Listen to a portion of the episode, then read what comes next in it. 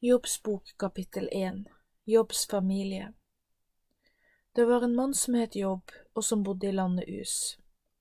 Han var en mann som folk ikke hadde noe å utsette på, og han var en oppriktig person, med stor respekt for Gud. Det var viktig for ham å holde seg borte fra ondskap. Han eide 7000 sauer, 3000 kameler, 500 par med okser, 500 eselhopper og veldig mange tjenere. Han var den mektigste mannen i Østen. Sønnene hans pleide å invitere til fest i husene sine. De hadde fest hver sine dager, og de pleide å invitere de tre søstrene til å spise og drikke sammen med dem. Da festdagene var over, sendte Jobb bud på, bud på sønnene og hadde en innvielsesseremoni til Herren for dem. Da pleide Jobb å stå tidlig opp, og på slike dager ofret han til Herren. Han ofret like mange offerdyr som han hadde barn. For Jobb sa, Kanskje sønnene mine har syndet mot Gud i hjertet sitt. Slik gjorde Jobb alltid. Satan får teste Jobb. En dag kom Guds engler for å stille seg fram for Herren, og Satan kom sammen med dem. Herren spurte Satan, Hvor kommer du fra? Da svarte Satan, Jeg kommer fra jorden, der er jeg har jeg flakket omkring, jeg har dratt fram og tilbake på den.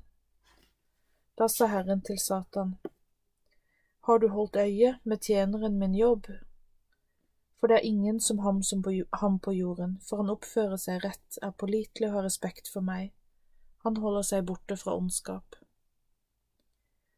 Da svarte Satan, Er det virkelig slik at Jobb har så stor respekt for deg? Hvilke utfordringer har han hatt, da? Du beskytter jo ham og familien hans på alle måter. Du velsigner arbeidet hans så hans eiendom bare vokser og vokser. Hadde han bare opplevd motgang og mistet det han hadde, så ville han helt sikkert forbannet deg rett opp i ansiktet. Herren sa da til Satan, Se, du kan ta, få ta fra jobb det han har, men du får ikke lov til å skade ham. Da for Satan bort fra Herren. Jobb mister eiendom og barn. En dag da sønnene og døtrene hans spiste og drakk vin i huset til den eldste broren deres, kom en budbærer til jobb og sa, Oksene holdt på å pløye og eselhoppene beitet ved siden av dem. Da gikk sabeerne til angrep, og de tok dyrene med seg. De drepte tjenerne dine. Jeg var den eneste som slapp unna, så jeg kunne fortelle deg det. Før denne tjeneren var ferdig med å snakke, kom også en annen og sa, Det falt en Guds ild ned fra himmelen, den satte fyr både på sauene og gjeterne, og de ble alle drept. Jeg er den eneste som slapp unna, så jeg kunne fortelle deg om det. Før denne tjeneren var ferdig med å snakke, kom det enda en tjener. Han sa, Kalderene angrep oss med tre tropper. De styrtet fram og tok fra oss kamelene. Så drepte de tjenerne dine. Jeg var den eneste som slapp unna, så jeg kunne fortelle deg det. Ennå, mens han snakket, kom enda en tjener. Han sa, Sønnen og døtrene dine spiste og drakk vin i huset til den eldste sønnen sin. Plutselig blåste det opp en sterk storm fra den andre siden av ørkenen. Stormen tok tak i alle de fire hjørnene av huset, det kollapset over ungdommene, og alle ble drept. Jeg var den eneste som var til stede, som slapp unna, så jeg kunne fortelle deg det. Da reiste Jobb seg, rev klærne sine i flerrer i ren fortvilelse. Han barberte seg på hodet for å ydmyke seg for Herren. Deretter falt han ned på bakken mens han tilba Herren. Han sa, Naken kom jeg til jord, og naken skal jeg forlate den. Herren har gitt meg mye, nå har Herren tatt det fra meg. Herrens navn skal være velsignet. Etter alt dette syndet ikke Jobb mot Gud, han anklaget ikke Gud for å være urettferdig.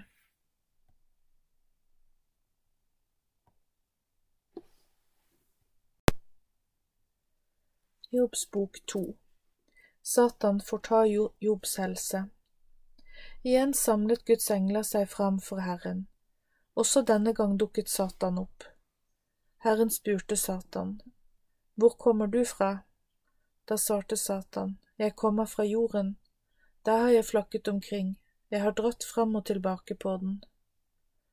Da sa Herren til Satan, Har du holdt øye med tjeneren min Jobb, for det er ingen som ham på jorden, for han oppfører seg rett, er pålitelig og har respekt for meg. Han holder seg borte fra ondskap. Han har stått fast i prøvelsene og har taklet dem uten å feile. Du provoserte meg til å teste ham, men som du ser, var det ikke nødvendig. Da svarte Satan Herren og sa, Hva om han rammes selv? Et menneske ville vel gi alt det har, når de ved det kan spare sitt liv.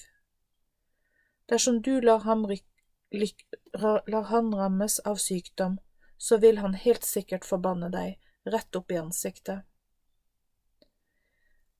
Herren sa til Satan, Du kan få ramme ham med sykdom, men du får ikke lov til å ta livet av ham. Så gikk Satan bort fra Herren, han lot Jobb få smertefulle byller fra isse til fotsåle. Jobb fant seg en bit av en knust krukke, med denne skrapte han på huden sin mens han satt midt i en haug av aske. Da sa kona hans til ham, Er du fortsatt opptatt av å leve rett for Gud? Du burde forbanne Gud og dø. Men han svarte henne, Nå snakker du som om du skulle være dum. Er det bare slik at vi skal bare ta imot det gode Gud gir oss, skal vi ikke også ta imot det onde? Heller ikke etter alt dette syndet Jobb med munnen, for han angrep ikke Gud for det som skjedde. Jobbs venner fortvila med ham. Da Jobbs tre venner fikk høre om all den onde ulykke som hadde rammet ham, dro de for å besøke ham. Temanitten Elifas, sjuitten Bildad og Naamanitten Sofar avtalte at de skulle dra fra hjemmet sitt for å dra til Jakob. De ville sørge sammen med ham og trøste ham. Da de så ham på avstand, kunne de ikke kjenne ham igjen. Da de skjønte at det var ham, gråt de høyt. Hver enkelt av dem rev flerrer i kappene sine i ren fortvilelse. De kastet støv opp mot himmelen over hodet sitt for på denne måten å vise sin sorg. Så satte de seg ned sammen med ham i sju dager og sju netter satt de bare der uten å si et ord til ham, for de så hvilke fæle lidelser han hadde, og hvordan han led. Jobbs bok tre Jobb forbanner sitt liv Etter dette forbannet Jobb den dagen han ble født. Han sa, Den dagen jeg ble født, skulle ikke ha kommet. Det skulle heller ikke den dagen da det ble sagt at moren min ventet et guttebarn. Det var en trist dag, og det kan ikke forbindes noe lyst med den nå. Hadde det vært mulig, så ville jeg ønsket at den ikke hadde kommet, at den hadde blitt borte i mørket. Måtte mørke og dødsskygge kreve den tilbake, måtte en sky legge seg over den. Min fødselsdag er en skremmende dag. Måtte mørket gripe den natten, måtte den dagen bli utslettet blant årets dager måtte den ikke være medregnet blant månedenes tall. Hadde jeg bare ikke blitt født den natten, moren min skulle heller vært ufruktbar, ikke noe lykkerop skulle bli hørt da jeg ble til i mors liv. Jeg skulle ønske noen hadde kunnet forbanne denne dagen, slik at jeg ikke hadde blitt til. Solen skulle ikke gått opp den dagen. Kroppen til moren min skulle ikke ha blitt gravid den dagen for da hadde jeg ikke opplevd alle de lidelsene jeg gjennomgår nå. Hvorfor kunne jeg ikke ha dødd i magen til moren min eller ved fødselen? Hvorfor tok hun imot meg? Hvorfor fikk jeg mat ved brystet hennes? Kunne jeg ikke heller gått i døden? Dit har jo mange gått før meg, både konger og vise menn, fyrster som hadde gull og som fylte huset sitt med sølv. Eller hvorfor tok hun ikke abort, da hadde jeg sluppet å se lyset. Ingen ville kunnet rase mot meg, og de som er ute etter meg, ville ikke hatt et mål for ondskapen sin. I dødsriket er fangene sammen i fred, de plages ikke av slavedrivernes stemme, for der er slaven fri fra herren sin. Liten og stor er der. Hvorfor lar Gud det mennesket som sliter og har en bitter sjel, i det hele tatt få se dagens lys? Hvorfor fødes for så å lengte etter døden uten at den kommer? Hva med når et menneske leter etter døden, som om den skulle være mer verdt enn skjulte skatter? Eller hva med når et menneskes grav utløser jubel og glede? Hvorfor skal et menneske se lyset når dets livsvei blir stengt på alle kanter? I stedet for brød har jeg et fortvilelse, mine stønn strømmer ut som vann. For det fryktelige som jeg fryktet er kommet over meg, det jeg hadde angst for har jeg nå opplevd. Jeg har ikke fred, og jeg har ikke ro.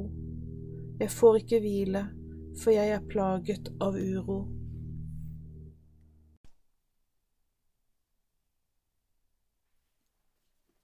Jobbs bok fire Spør etter årsak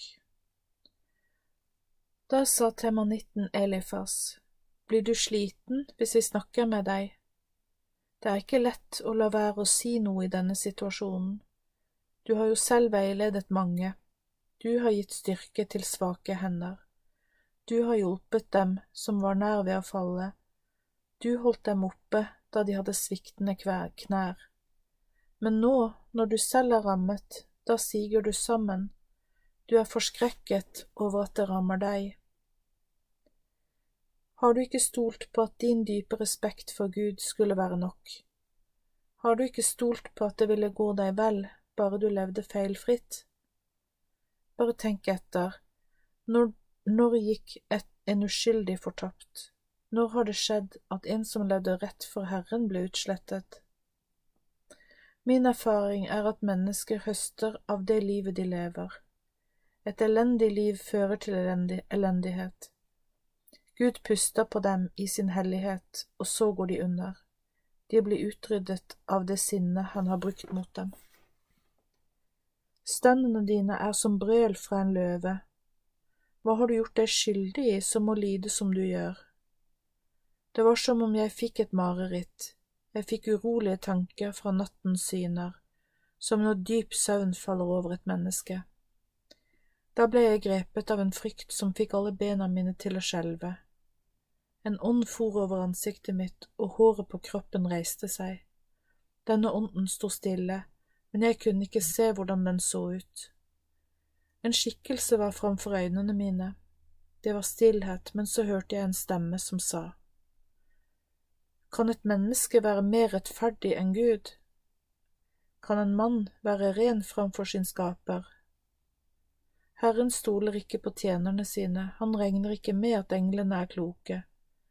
Hva skulle han så kunne forvente av oss mennesker som bor i hus av leire? Vi bor i støvet, og vårt liv er kortvarig på jorden.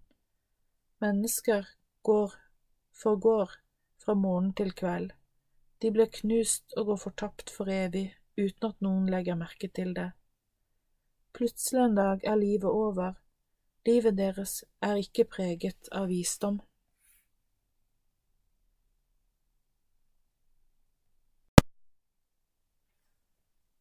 Jobbs bok fem Jobb, overgi deg til Gud. Rop nå bare ut bønnen din, finnes det noen som vil svare deg? Hvem av de hellige vil du venne deg til? Raseri dreper den dumme, og bitterhet tar livet av tosker. Jeg har opplevd hvordan dumme mennesker har slått seg ned, for så i neste øyeblikk å være borte. Han hadde stelt seg så dårlig at sønnene hans også gikk under, for det var ingen som kunne hjelpe dem ut av dumheten. For når sultne tar mat fra onde mennesker, må de regne med å bli fratatt maten med makt. Det gror ikke lidelse opp fra bakken, motgang er ikke noe som spirer opp av jorden. Dette kommer av at noe først er blitt sådd, det er alltid en årsak. Dermed er det ikke sagt at livet kan være slitsomt for enhver, men hvis jeg var deg, ville jeg gå i bønn til Gud, jeg ville overgitt meg helt til ham. Herren gjør slike mirakler som vi mennesker ikke kan granske, og storverk som vi ikke kan telle. Han gir regn til jordens overflate og sender vann til markene. Han løfter opp dem som er blitt ydmyket, og de som sørger får trygghet i hans redning. Han lar dem med onde planer mislykkes, han lar ikke planene deres bli satt ut i livet. De som synes at de selv er så kloke, blir fanget av sine egne tanker. Råd fra dem som tror de er vise, viser seg ikke å være noe verdt. De er på villspor, for de famler rundt i mørket, selv om det er midt på lyse dagen. Det er nemlig Herren som redder fra døden. Det er Han som redder folk fra onde ord, og som befrir den svake ut av de sterkes hender. Derfor er det håp for den hjelpeløse, for uretten må lukke munnen sin.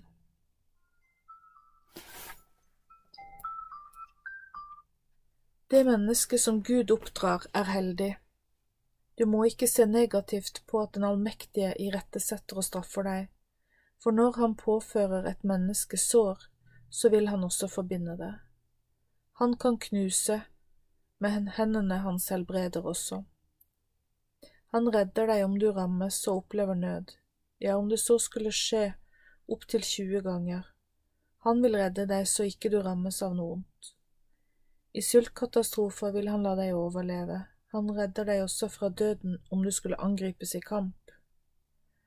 Du skal bli bevart fra skarpe tunger, og du skal ikke frykte for ødeleggelsen når den kommer. Du skal bare le av ødeleggelse og sult, og du skal ikke frykte for jordens villdyr, for de skal holde fred med deg. Du skal få oppleve at det er fred i hjemmet ditt, og du skal ikke mangle noe der du bor. Du skal også vite at familien din skal bli stor igjen, og etterkommerne dine skal bli en stor slekt. Du skal først dø når livet ditt er fullmodent og du er blitt gammel. Se, dette har vi studert, og slik er det. Hør på det jeg sier. Du burde godta dette og være enig i at det er slik for deg også.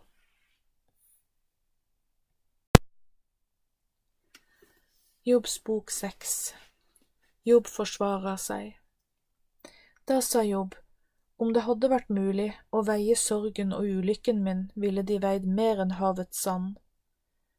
Derfor kom ordene mine så ubetenkt, for jeg kjenner de pilene den allmektige sender mot meg. Ånden min drikker av giften deres, og Guds redsler stiller seg opp mot meg. Skriker vi lesle når det har gress, eller rauter oksen over fòret sitt. Sjelen min nekter å røre ved dette, det er som bedervet mat for meg. Måtte jeg bare få bønnen min oppfylt, måtte Gud la håpet mitt gå i oppfyllelse, skulle ønske han ville gjøre ende på meg og knuse meg så dette var over. Da hadde det vært min trøst, selv om jeg ikke er skånet for voldsomme smerter, ville jeg juble, for jeg har tro på, på det hellige ord, den helliges ord. Hvilken styrke har jeg igjen i livet? Hva har jeg igjen for å få det forlenget? Kunne jeg vel stole på min egen styrke? Styrken min er ikke solid som steiner, og kroppen min er ikke hard som bronse. Hvordan kunne jeg vel tro at noe i meg selv skulle kunne hjelpe meg? Har jeg så mistet håpet. Hva slags venner er dere? Skulle ikke venner vise godhet mot den som er fortvilet? Skulle de ikke støtte ham i stedet for å så tvil om den allmektige? Dere har sviktet meg, det dere hadde å gi, er nå skrumpet inn til ingenting. Livet kan være vanskelig som en elv som bukter seg og holder på å tørke ut. Når tørken setter inn, er det da ikke er det ikke da man trenger frodige elver? Dere mine venner er som bekker med vann som er tørket ut. Det er en skam, for jeg stolte på dere. I stedet for å hjelpe påfører dere meg enda mer smerte. Det er tydelig at synet av meg skremmer dere. Har jeg noen gang bedt dere om å gi meg noe? Har jeg spurt etter rikdommen deres eller ønsket at dere skulle bestikke noen for meg? Har jeg bedt dere om hjelp mot fiendene mine. Har dere noen gang hjulpet meg fra å bli tatt av grusomme folk?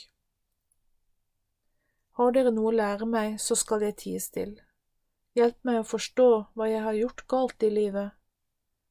Når sannhet blir sagt, er det virkningsfulle ord, men ordene deres er helt uten kraft. Ordene mine er fulle av fortvilelse. Er dere her for å argumentere mot meg? Jeg som er farløs, deres egen venn, kaster dere lodd om for å finne hva jeg har gjort meg skyldig i for å fortjene dette grusomme som har hendt meg. Men nå må dere snu dere mot meg, for jeg kan ikke lyve dere rett opp i ansiktet. Jeg ber dere, slutt med anklagene deres mot meg, så dere ikke gjør dere skyldige i å synde. Anklagene stemmer ikke, for jeg har levd for Herren og har ikke gjort meg skyldig så jeg skulle fortjene denne smerten. Har jeg vel sagt uriktige ting? Har jeg ikke alltid vært opptatt av å skjelne rett fra galt, for så å gjøre det rette? Jobs bok sju Ingen trøst i lidelsen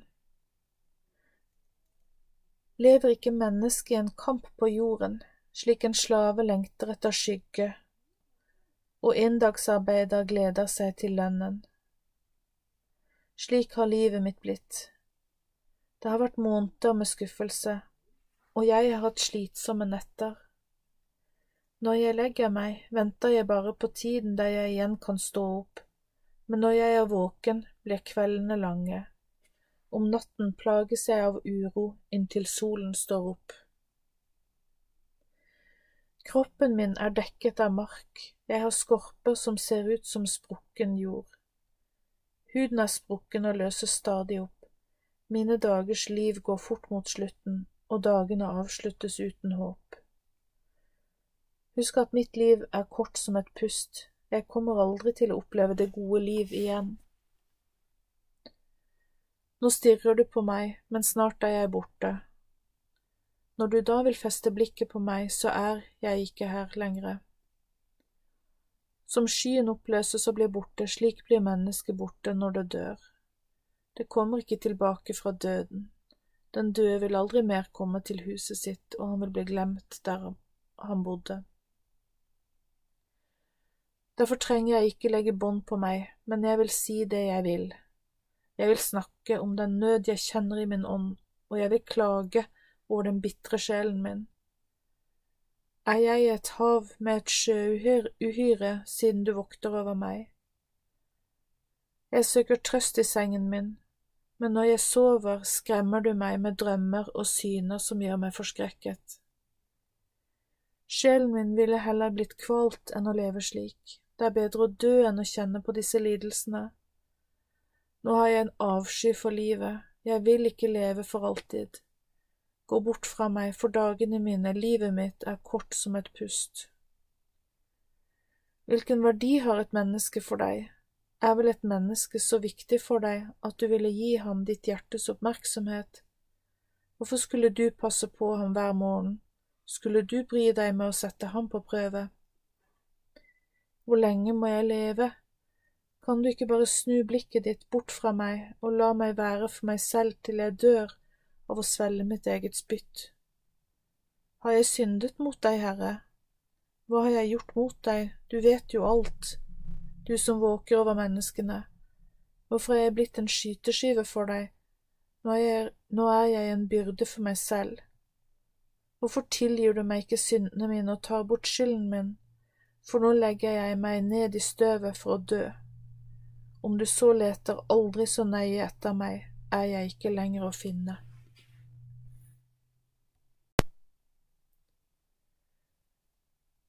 Jobbs bok åtte Bildads kritikk Da sa sjuiten Bildad, hvor lenge vil du snakke? Du kommer med en storm av ord, vil Gud vri på en rettferdig dom? Er ikke den allmektige en rettferdig Gud? Hvis sønnene dine har syndet mot ham, så overlot han dem til å straffes for synden deres. Hvis du bare oppriktig hadde søkt Gud den allmektige med en bønn om nåde, hadde du bare vært en ren og oppriktig mann, ville han sannelig gjort det som var til beste for deg, han ville gjort livet fullkomment. For selv om begynnelsen din var beskjeden, så skal sannelig fortsettelsen av livet ditt bli flott og ubeskjedent. Bare sjekk ut hva de eldre sier, legg merke til hva granskningen deres er kommet fram til, For selv om de hører gårsdagen til, bekrefter de at livet vårt er like kortvarig som en skygge på jorden. Hør på forfedrene våre, hør hva de har på hjertet. Skal noe vokse, trenger det både jord og vann. Dersom de ikke beskjæres, så visner de bort. Slik går det med dem som glemmer, glemmer Gud. Livet deres blir som gjengrodde sider, og de mister håpet. La livsveksten beskjæres av ham som du kan stole på, vær ikke slik at du kun stoler på dine egne henders verk. De som gjør det, kommer til å falle når de trenger et fast holdepunkt. Som et tre som står frodig i solen, skyter det nye grener fram. Men siden det stolte på seg selv, vil treets røtter flette seg inn i steinuren, og treet vil ikke få næring. Når det så forsvinner fra grunnen der det vokste, vil ingen kjennes ved at treet noen gang har stått der. Så lite glede får han ut av livet, nye trær vil vokse opp av støvet. Se, Gud vraker ikke den som lever fullkomment, og han gir ikke styrke til den som gjør ondt. Bare vent til han fyller munnen din med latter og leppene dine med jubelrop. Da kommer de som hater deg til å skamme seg da skal de som er Guds fiender, bli borte.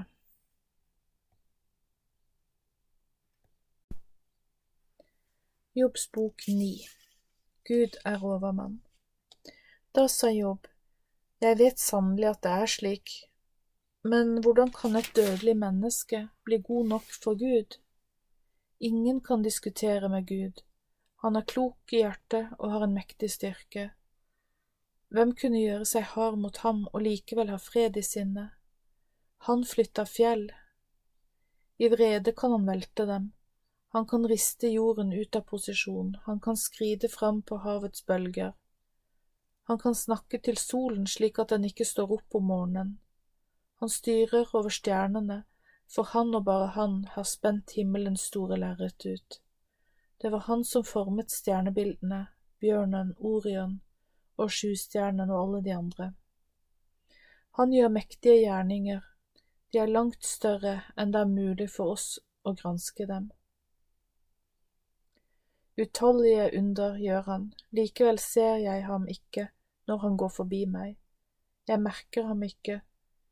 Skulle han ta noe fra oss, hvem kan ta det tilbake? Hvem kan si til ham, hva gjør du, er vi selvgode og ypper mot ham, så blir han sint, det sinnet blir ikke borte. Hvordan skal jeg kunne svare ham, hvilke ord skal jeg velge i møte med ham? For selv om jeg hadde rett, så kunne jeg ikke forsvare meg mot ham. Jeg måtte be dommeren min om nåde. Og, jeg, og om jeg ropte til ham og han svarte meg, kunne jeg ikke tro at han hadde hørt stemmen min. Han knuser meg og gir meg sår på sår uten grunn.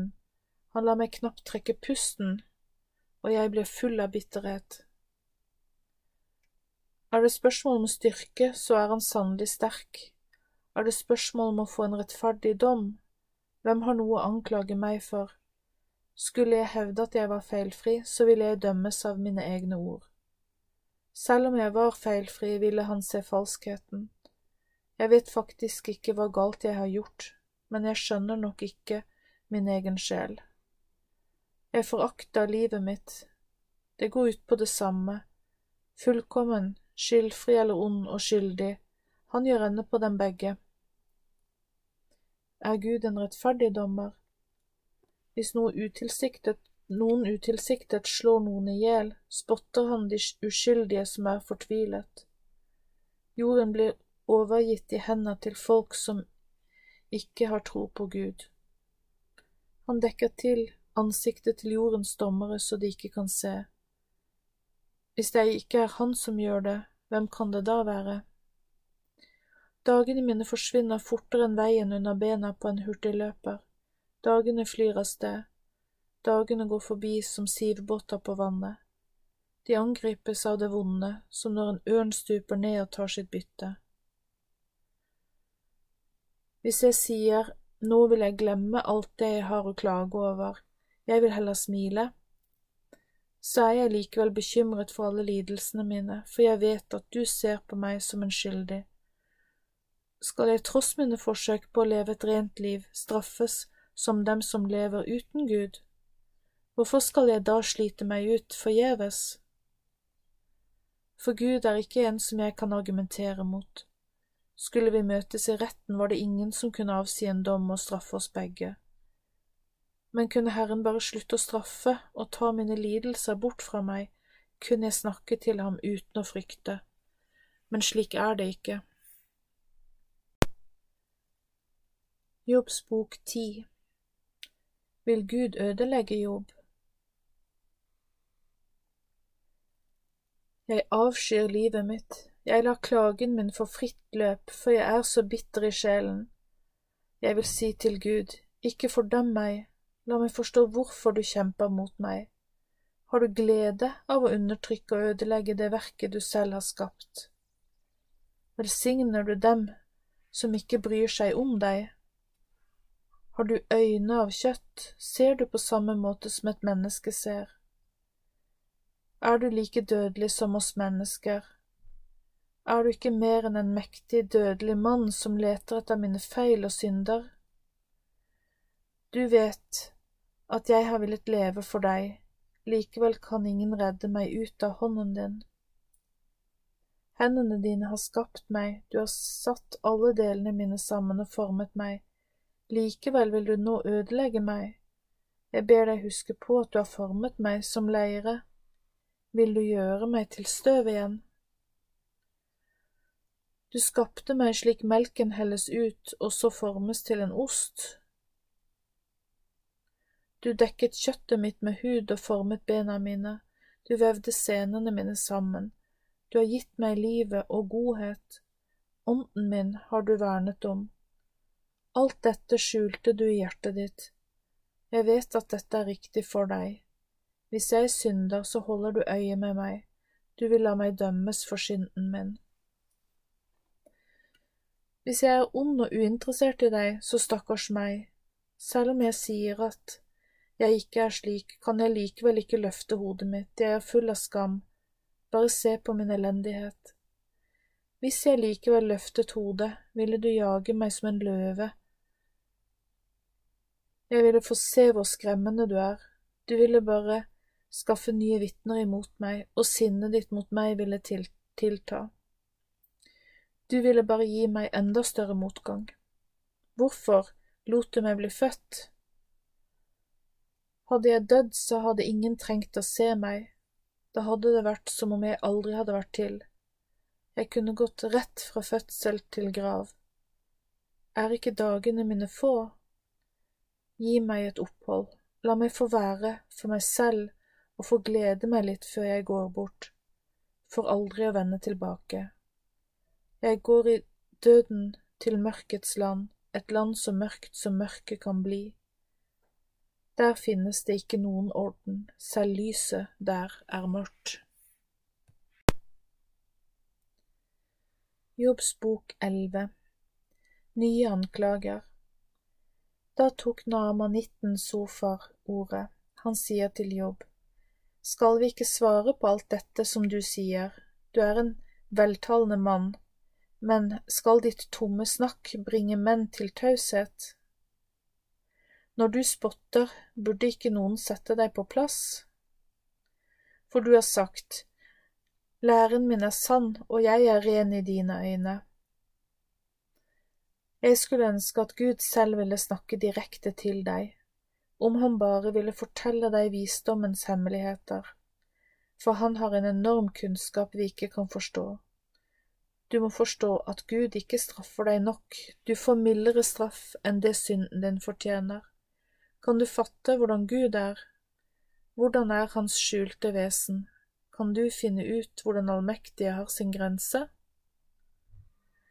Guds visdom er himmelhøy, hvor vis er vel du? Visdommen hans når dypere enn til dødsriket. Hvor mye vet vel du? Visdommen hans er større enn hele jorden og bredere enn havet. Skulle han fare forbi, ta til fange og kalle en person inn for retten, hvem kan vel hindre ham i det? For Gud kjenner menneskets falskhet, han ser også ondskapen. Vil han ikke bry seg? En stolt mann kan like lite forandre hjertet sitt som et villesel kan fødes til et menneske. Hvis du nå bare går i deg selv, renser bort all synd og ondskap og får den rette innstilling i hjertet, og rekker hendene dine ut mot ham, kan du sannelig løfte hodet. Da skal du ikke anklages mer, men kan stå støtt uten å frykte. For da får du glemme slitet ditt, la den vonde fortid bli borte slik som vannet som rant forbi. Livet ditt skal gå mot bedre tider, det skal bare bli bedre og bedre, lysere og lysere. Selv i mørket skal du kjenne morgenlyset. Du skal være trygg, for det er håp, ja, du er under beskyttelse og kan legge deg til hvile i trygghet. Du skal legge deg til hvile, og ingen skal gjøre deg redd. I stedet skal mange prøve å oppnå tillit hos deg. Men de som lever uten Gud, skal gå fortapt. De har ingen fluktmuligheter, og de har ikke noe håp. Jobs bok tolv Jobb svarer på anklagene. Da svarte Jobb, Ja, dere er i sannhet de rette til å uttale dere. Med dere vil visdommen dø ut. Men også jeg har noe visdom, og på den måten er jeg vel ikke dårligere stilt enn dere. Hvem er det som ikke vet alt dette som dere nå har sagt? Jeg blir spottet av mine venner, jeg som ba til Gud og fikk svar. Jeg som levde rett og var rettferdig, er nå bare blitt til spott og spe. Den som kjenner seg trygg, ser med forakt på dem som rammes av ulykke, for de tror den bare rammer dem som lever i ubalanse. Men det er ikke slik, for mange voldsmenn lever i fred. Det er mange som gjør handlinger som Gud så absolutt ikke synes om, og likevel bor de trygt. Det er noen som tror de kan bestemme over Gud, bare spør villdyrene om hvem som bestemmer, de vet det. Eller spør fuglene i luften, de kan også fortelle det. Lær av jorden og av fiskene i havet. Hvem av alle disse forstår ikke at det er Herren som har skapt alt dette med hendene sine? Herren har hver levende sjel i hånden sin, og han har ånden til alle menneskers kropp. Er det ikke naturlig at man vurderer de ordene man hører? Smaker ikke ganen på maten? Hos eldre mennesker finnes det visdom. For mye, for mye erfaring gir god forstand. Herren har visdom og makt. Hos ham er det klokskap og gode råd. Når han river noe ned, blir det ikke bygd opp igjen. Når han stenger for en mann, er det ingen som kan åpne opp. Han lar vannene demme opp, og han lar dem tørke opp. Han slipper vannet ut, så vannet oversvømmer jorden. Hos ham er styrke og innsikt. Både den som går seg vill og den som fører andre vill, er underlagt ham. Han lar rådgivere gå barføtte bort og lar dommere fremstå som dumme. Han løser fanger som er blitt bundet av kongen, og han lar prester og fyrster gå barføtte bort. Makthavere styrter han ned, han lar dem, bli, lar dem som har tillit blant folket, miste munn og mæle. Han tar dømmekraften fra de eldste, han lar det vokse fram en forakt over de fornemme, og sørger for at de mektige mister våpnene sine. Han åpenbarer dødens mørke og store dyp. Han viser fram en skygge av døden, han lar folkeslag vokse seg store, og han lar dem gå til grunne. Han lar folkeslag spre seg utover, og han fører folk sammen. Han tar forstanden fra landets ledere og lar dem tom tumle omkring i en veiløs ødemark. De famler i mørket uten lys. Han lar dem sjangle som fulle menn. Jobbs bok 13 Alt dette har øyet mitt sett, og ørene mine har hørt og forstått det. Det dere vet, vet jeg også. Jeg kommer ikke til kort sammenlignet med dere. Men jeg vil snakke til den allmektige, og jeg ønsker å forsvare meg overfor Gud. Men dere kommer her og spinner sammen løgner, dere er nytteløse leger, alle sammen. Dersom dere bare kunne tie helt stille, ville dere virket klokere enn når dere snakker. Hør nå hva jeg har å si til mitt forsvar, lytt til mine motinnlegg. Vil dere tale Guds sak med å komme med slikt urettferdig snakk? Dere sier urette ting og skal liksom på den måten forsvare Herren. Vil dere ta parti for ham, er det Gud dere vil føre sak for. Vil det gå, vil det gå dere godt når han ransaker dere? Eller tror dere at dere kan narre han på samme måte som man bedrar et menneske? Han skal sannelig refse dere hvis dere i hemmelighet har tatt parti. Vil ikke hans mektige høyhet forskrekke dere, vil dere ikke lammes av ærefrykt for ham. Det er dårlig, det dere kommer med. Utbrente ordspråk og et forsvar som er bygd på leiregrunn. Vær stille og la meg være, La meg få si det jeg vil, så får heller det som måtte komme, komme over meg.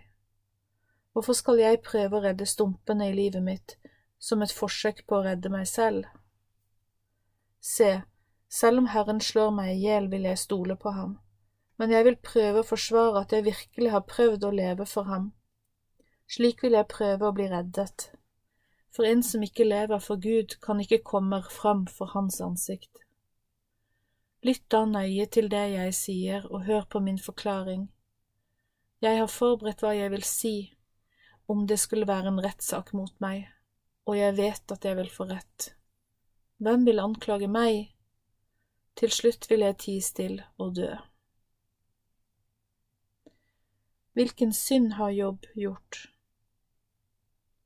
Bare to ting må du ikke gjøre mot meg, så jeg ikke tør å komme fram for deg.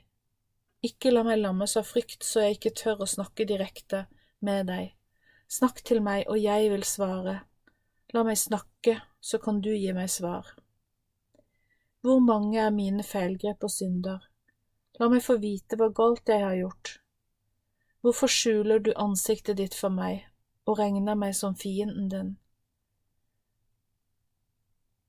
Vil du skremme et løv som fyker fram og tilbake, vil du forfølge et tørt halmstrå?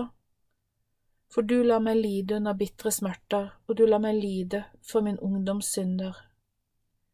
Du holder øye med alle skrittene mine og den veien jeg går, og du begrenser fottrinnene mine. Ja, jeg brytes ned og råtner som et møllspist plagg. Jobbs bok 14 Finnes det håp etter døden? Alle mennesker har få levedager, dagene er fulle av uro. Mennesket spirer opp og blir en blomst for så å visne bort igjen. Så forsvinner det som en skygge, og ingen blir værende. Slik holder du øye med meg, og du fører meg fram for domstolen din. Hvem kan finne fram en ren når alle er urene? Ingen. Menneskets dager er bestemt hos deg, siden du har fastsatt grenser som mennesket ikke kan stige over. Men se da bort fra ham, og la ham være så han kan nyte sin dag, slik en dagsarbeider nyter dagen. For det er håp for et tre når det blir hogd ned, at det skal spire igjen, og at de spede skuddene ikke skal slutte å vokse. Selv om roten blir gammel og trestubben må dø, så skal det spire opp nye vekster. Som en nysatt plante spirer det opp når mollen vannes. Men når en mann er død, ligger han kraftløs. Hvor blir det av et menneske når det har pustet ut for siste gang? Som vannet forsvinner fra en sjø og en elv tørker ut, slik forsvinner også mennesket. Så lenge himmelen er til, våkner de ikke opp igjen, ingen kan vekke dem. Om du bare ville gjemme meg i dødsriket, om du ville skjule meg til sinnet ditt er over, om du ville gi meg en fastsatt tid og så huske på meg. Blir en mann levende etter at han er død? Jeg vil vente, alle dagene jeg har. Jeg har kamp, helt til døden inntrer for meg og jeg får oppleve denne forandringen. Du skal kalle på meg, og jeg skal svare deg. du skal lengte etter det som du har skapt med hendene dine, for nå teller du skrittene mine. Følger du med om jeg synder? Syndene mine blir samlet sammen, og du dekker over dem. Men som et fjell faller og forvitrer, som en klippe flyttes fra, sted, fra sitt sted, som vann sliper ned steiner, og som vannflommer vasker bort jorden, slik lar du menneskets håp gå tapt. Du har beseiret mennesket for evig, og han blir borte, du sender ham av sted. Oppnår han sønner ære, så vet han det ikke, blir sønnen fornedret, så merker han det ikke, han kjenner bare sin egen kropps smerte, og bare over sin egen sjel sørger han. Jobbs bok 15 Nye anklager mot Jobb Da tok temanitten Elifas til orde. Svarer en vis mann ut fra svevende kunnskap? Fyller han sitt indre med østavinden? Skulle han føre sak med unyttige ord, eller bare komme med noe tull? Ja, du ser bort fra ærefrykt for Herren, du forsømmer tilbedelsen for Guds ansikt, for nå er det ditt syndige sinn som påvirker hva du sier. Du er ganske dristig, du fordømmer deg selv med dine egne ord, for du er et vitne mot deg selv. Det er ikke jeg som fordømmer deg, men dine egne lepper. Er du det første mennesket som ble født? Var du kanskje skapt før haugene ble til? Fikk du høre Guds hemmelige råd? Fikk du noe kunnskap der som ikke ble oss andre til del? Hva vet du som ikke vi vet? Hva forstår du som ikke vi forstår? Her er folk som både er eldre og gråhåret. Ja, noen er eldre enn faren din. Synes du at Gud trøster deg for lite, han som snakker så vennlig til deg? Hvorfor blir du ute av fatning, og hva har du lyst på siden du er imot Gud? Hvorfor tillater du deg å snakke slik mot ham? Hvordan kan et menneske som er født av en kvinne, prøve å vise til at han er uten synd og skyld? Gud stoler da ikke på noen mennesker, ikke på de troende heller. Selv ikke himlene er rene i hans øyne. Da skulle han heller ikke stole på dem som synder over en lav sko. Jeg skal fortelle deg noe, bare hør på meg. Det jeg har sett, skal jeg fortelle. Jeg skal si deg hva de vise menn har sagt, for de har ikke skjult det de har hørt av sine forfedre. De fikk jo landet, for det var ikke fremmede folk som fikk det. Den som ikke bryr seg om Gud, vrir seg i smerte alle sine dager. Den som tyr til vold, lever et visst antall år før han hører en skremmende lyd. Midt i freden kommer ødeleggeren over ham. Han tror ikke han vil komme seg ut av mørket, for han vet at døden venter på ham. Han flakker omkring i jakt etter brød og sier, Hvor er det? Han vet at mørke dager ligger foran ham. Han blir forskrekket over lidelsen og nøden som får makten over ham. Slik går det med ham som er tru, tru, truende mot Gud, og som setter seg opp mot den allmektige. Han stormer fram mot Herren, han går til angrep mot ham. Har han spist seg rund og god, er det til liten nytte når han må bo i byer som er utslettet og i ubebodde hus som nærmest er som ruinhauger. Rikdommen hans vil ikke vare, og eiendommen hans vil bli spredt over jorden. Han slipper ikke unna mørket. Flammene kommer til å si, svi av livsverket hans. Bare ved et pust fra Herrens munn tvinges han til å snu seg bort. Han må ikke tro på tomhet og løgn, for da vil han føres vill.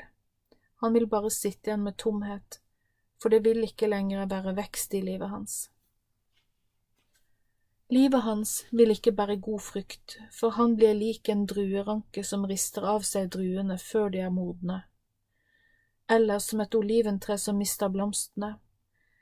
For de som lever uten Gud, bærer ingen frukt i livet, de som lever med bestikkelse, vil ødelegges de som planlegger ugjerninger, vil oppleve et liv med ondskap. Frykten av livet deres vil være ødeleggelse. Jobbs bok 16 Jobb svarer sine ubarmhjertige venner. Da sa Jobb, Nå har jeg hørt mye av det samme slaget, dere er noen plagsomme trøstere alle sammen.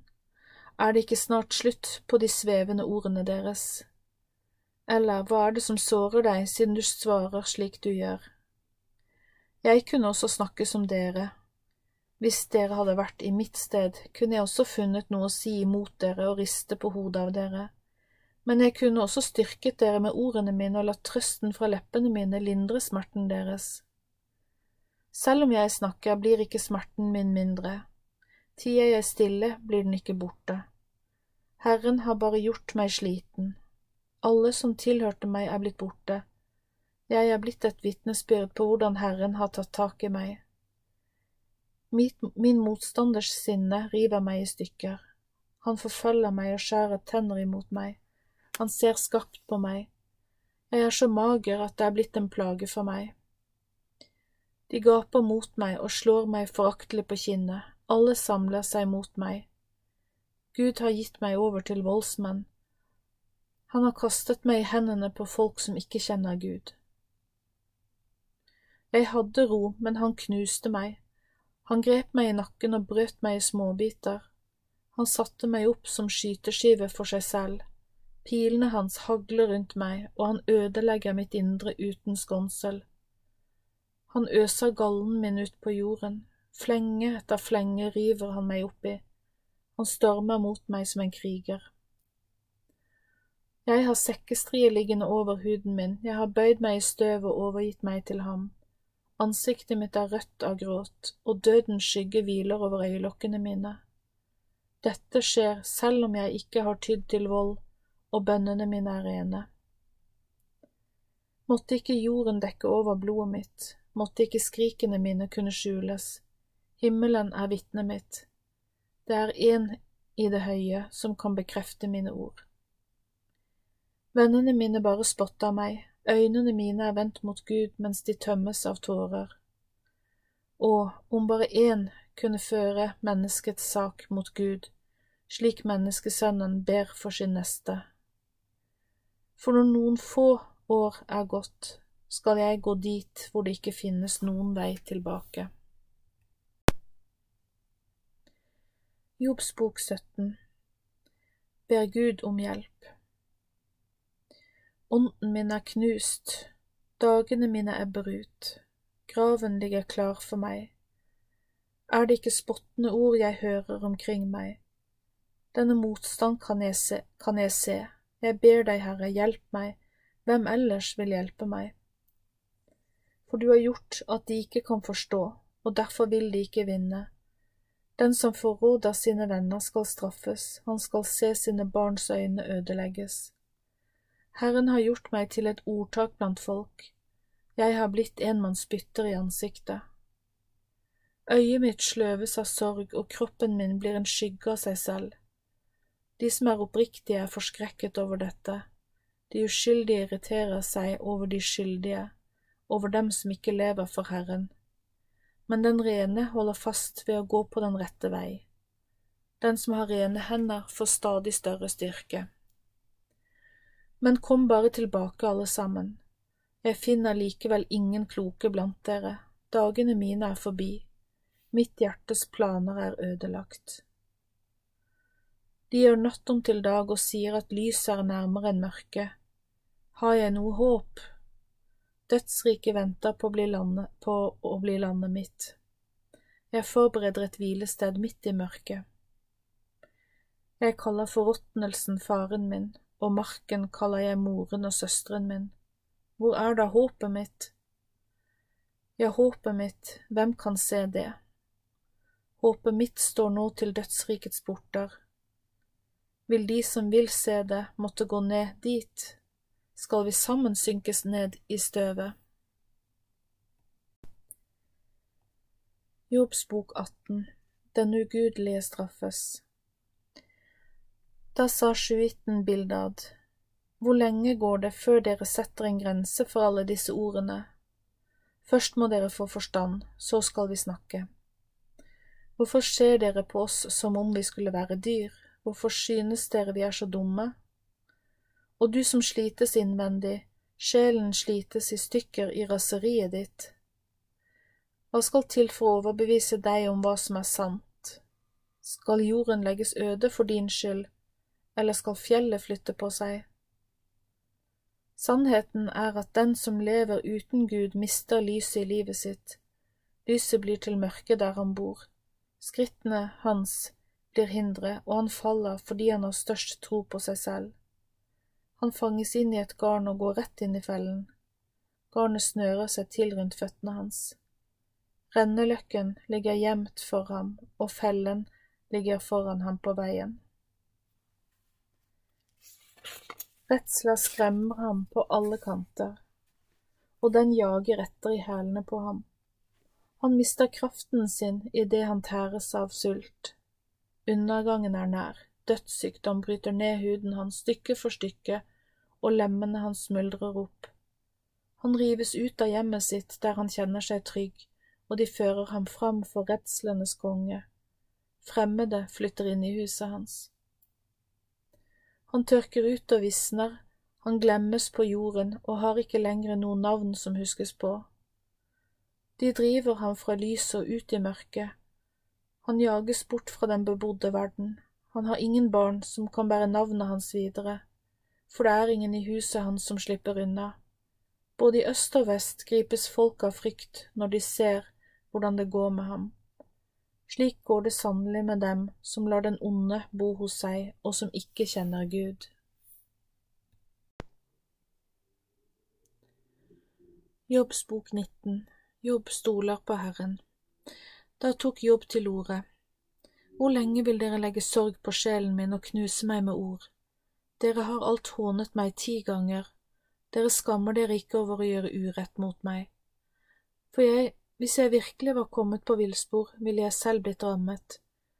Hvis dere virkelig vil opphøye dere over meg og irettesette meg for på den måten å ydmyke meg, så skal dere vite at det er Gud som har grepet inn.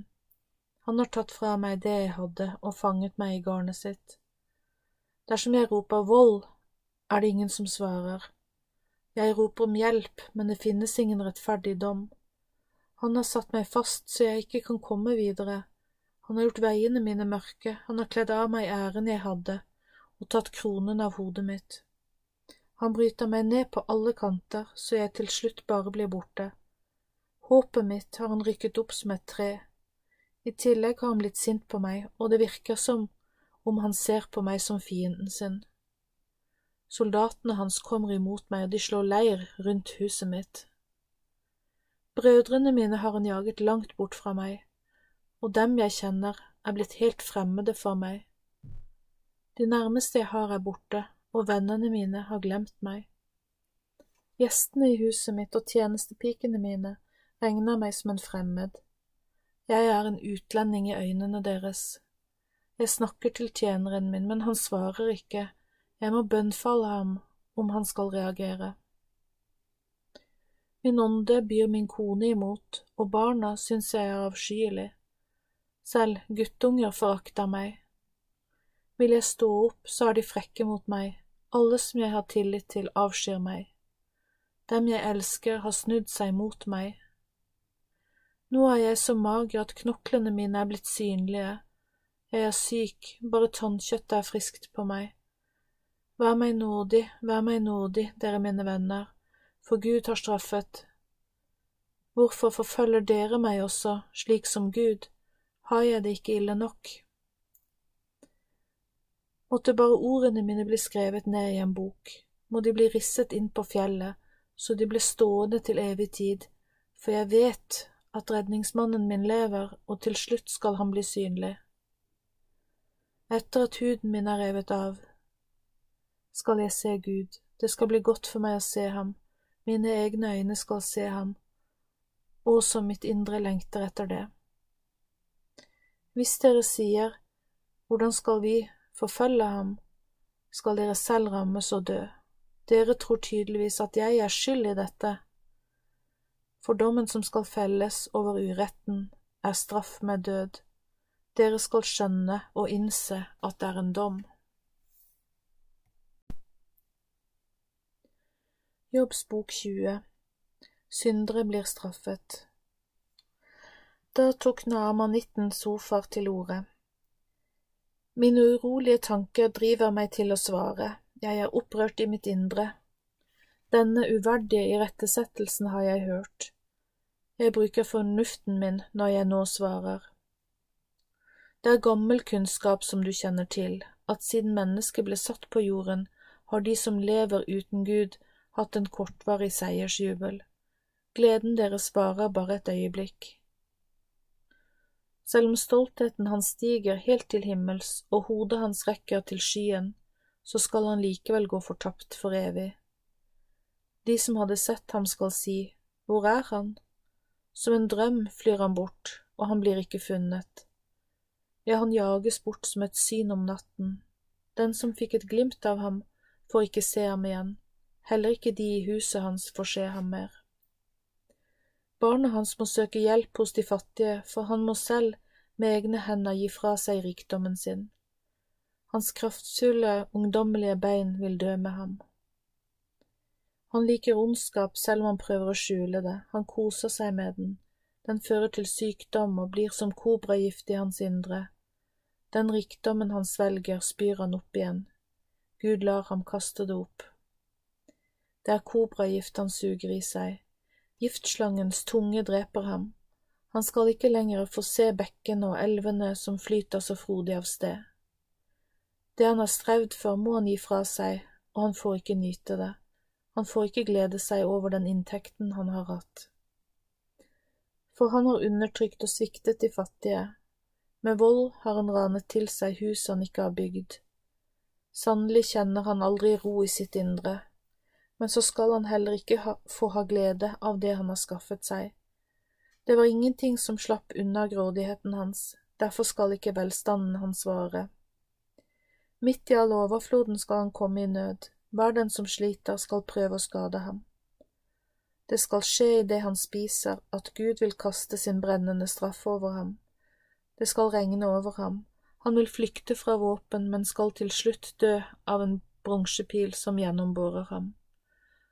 Den går inn og den går ut gjennom ryggen, den glinser når den kommer ut av galleblæren på ham, han blir full av skrekk.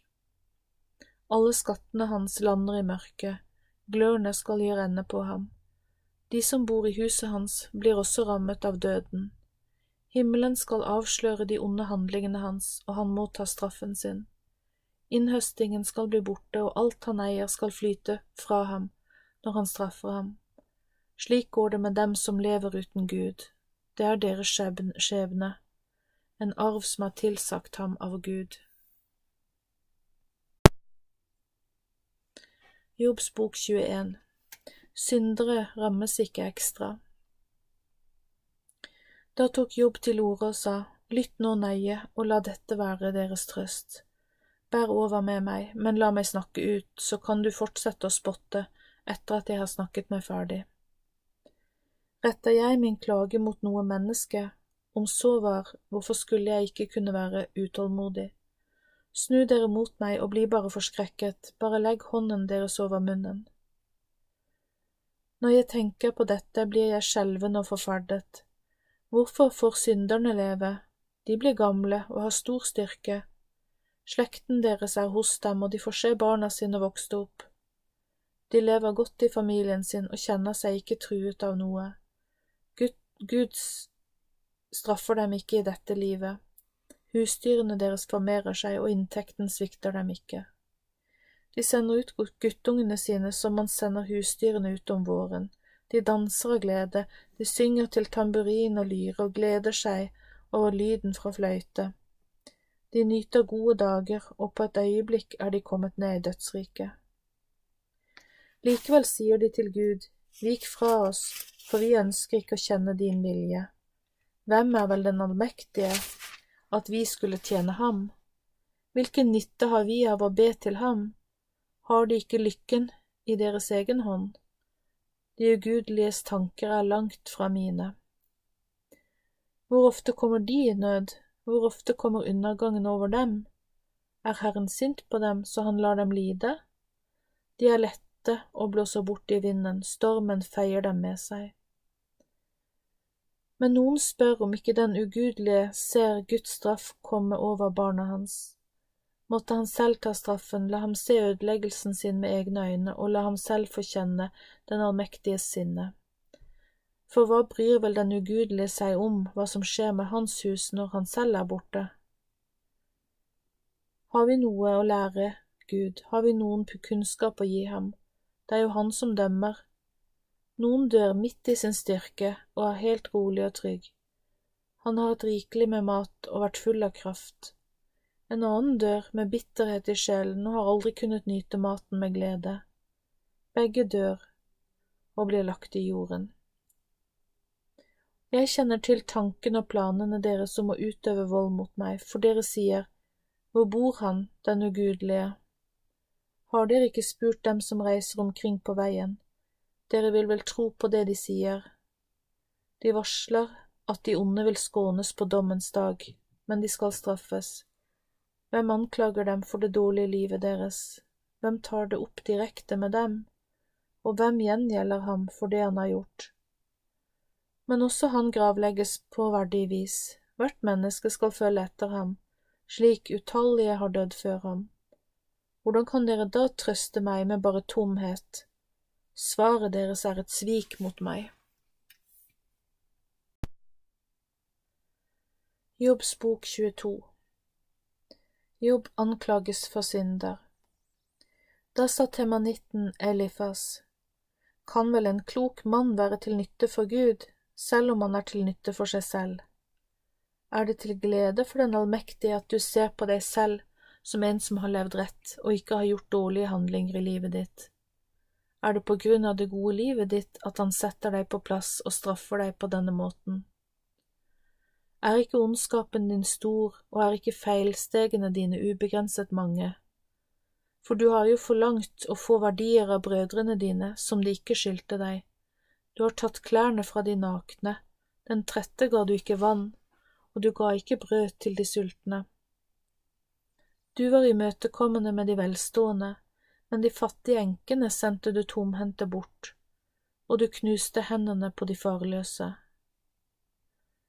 Derfor er det feller overalt rundt deg, plutselig gripes du av angst, og mørket kommer, slik at du famler i mørket, du føler du skal drukne. Er ikke Gud i den høye himmel?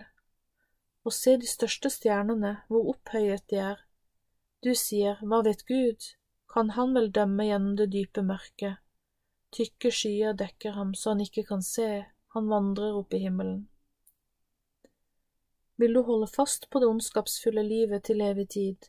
Ondskapsfulle menn dør før tiden, for de bygger livet sitt på en grunn som fort blir sveipet bort av flommen. Slik går det med dem som sa til Gud, vik fra oss, for hva kunne vel Den allmektige gjøre for oss? Likevel fylte han huset deres med det gode. Men de ugudeliges tanker er langt fra mine tanker, for de som vil leve for Herren, vet at gleden deres er kortvarig. De sier, sannelig blir motstanderne våre utslettet, flammene har slukt det de hadde. Gå nå ydmykt til Herren og få fred, da vil det gå deg godt. Jeg ber deg, ta imot de budene og lovene som Han sier, ta vare på ordet Hans i hjertet ditt. Hvis du vender om til Den allmektige, skal du bygges opp igjen, men da må du slutte med å synde. Stol ikke på at gullet ditt og verdisakene dine skal kunne redde deg. La den allmektige Gud være gullet ditt. Måtte Han være viktigst av alt i livet ditt, for da skal du ha din glede i ham, og da kan du løfte ansiktet ditt mot Gud. Du skal be til ham, han skal høre deg, og du skal gjøre det som du har lovet. Stå fast på bestemmelsene dine, for da skal livsveien din bli lys igjen. Når veien går nedover, skal du si oppover. Han redder den ydmyke, han vil til og med redde den som ikke er skyldfri.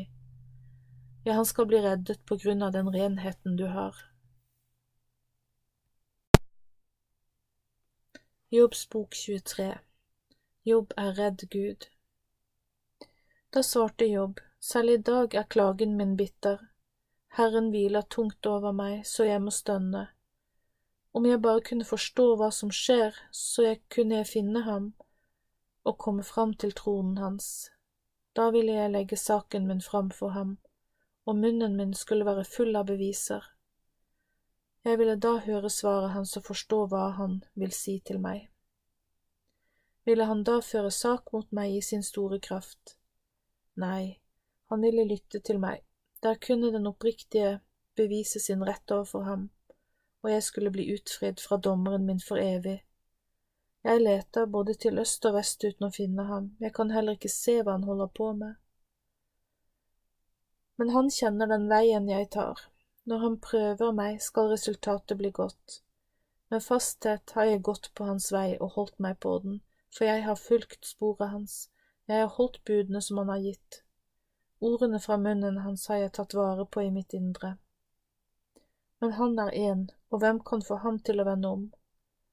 Han gjør som han vil, for han fullfører det som han har bestemt for seg, for meg. Han har overflod av alt, derfor er jeg skjelvende foran ansiktet og storheten hans. For Gud gjør hjertet mitt matt, og den allmektige skremmer meg. Han lot meg ikke dø da livet mitt mørknet til. Jeg måtte oppleve det.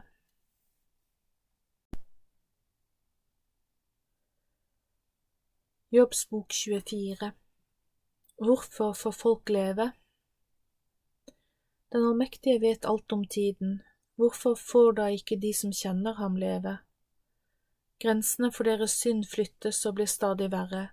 De stjeler husdyr og flytter dem til beiteplassene sine.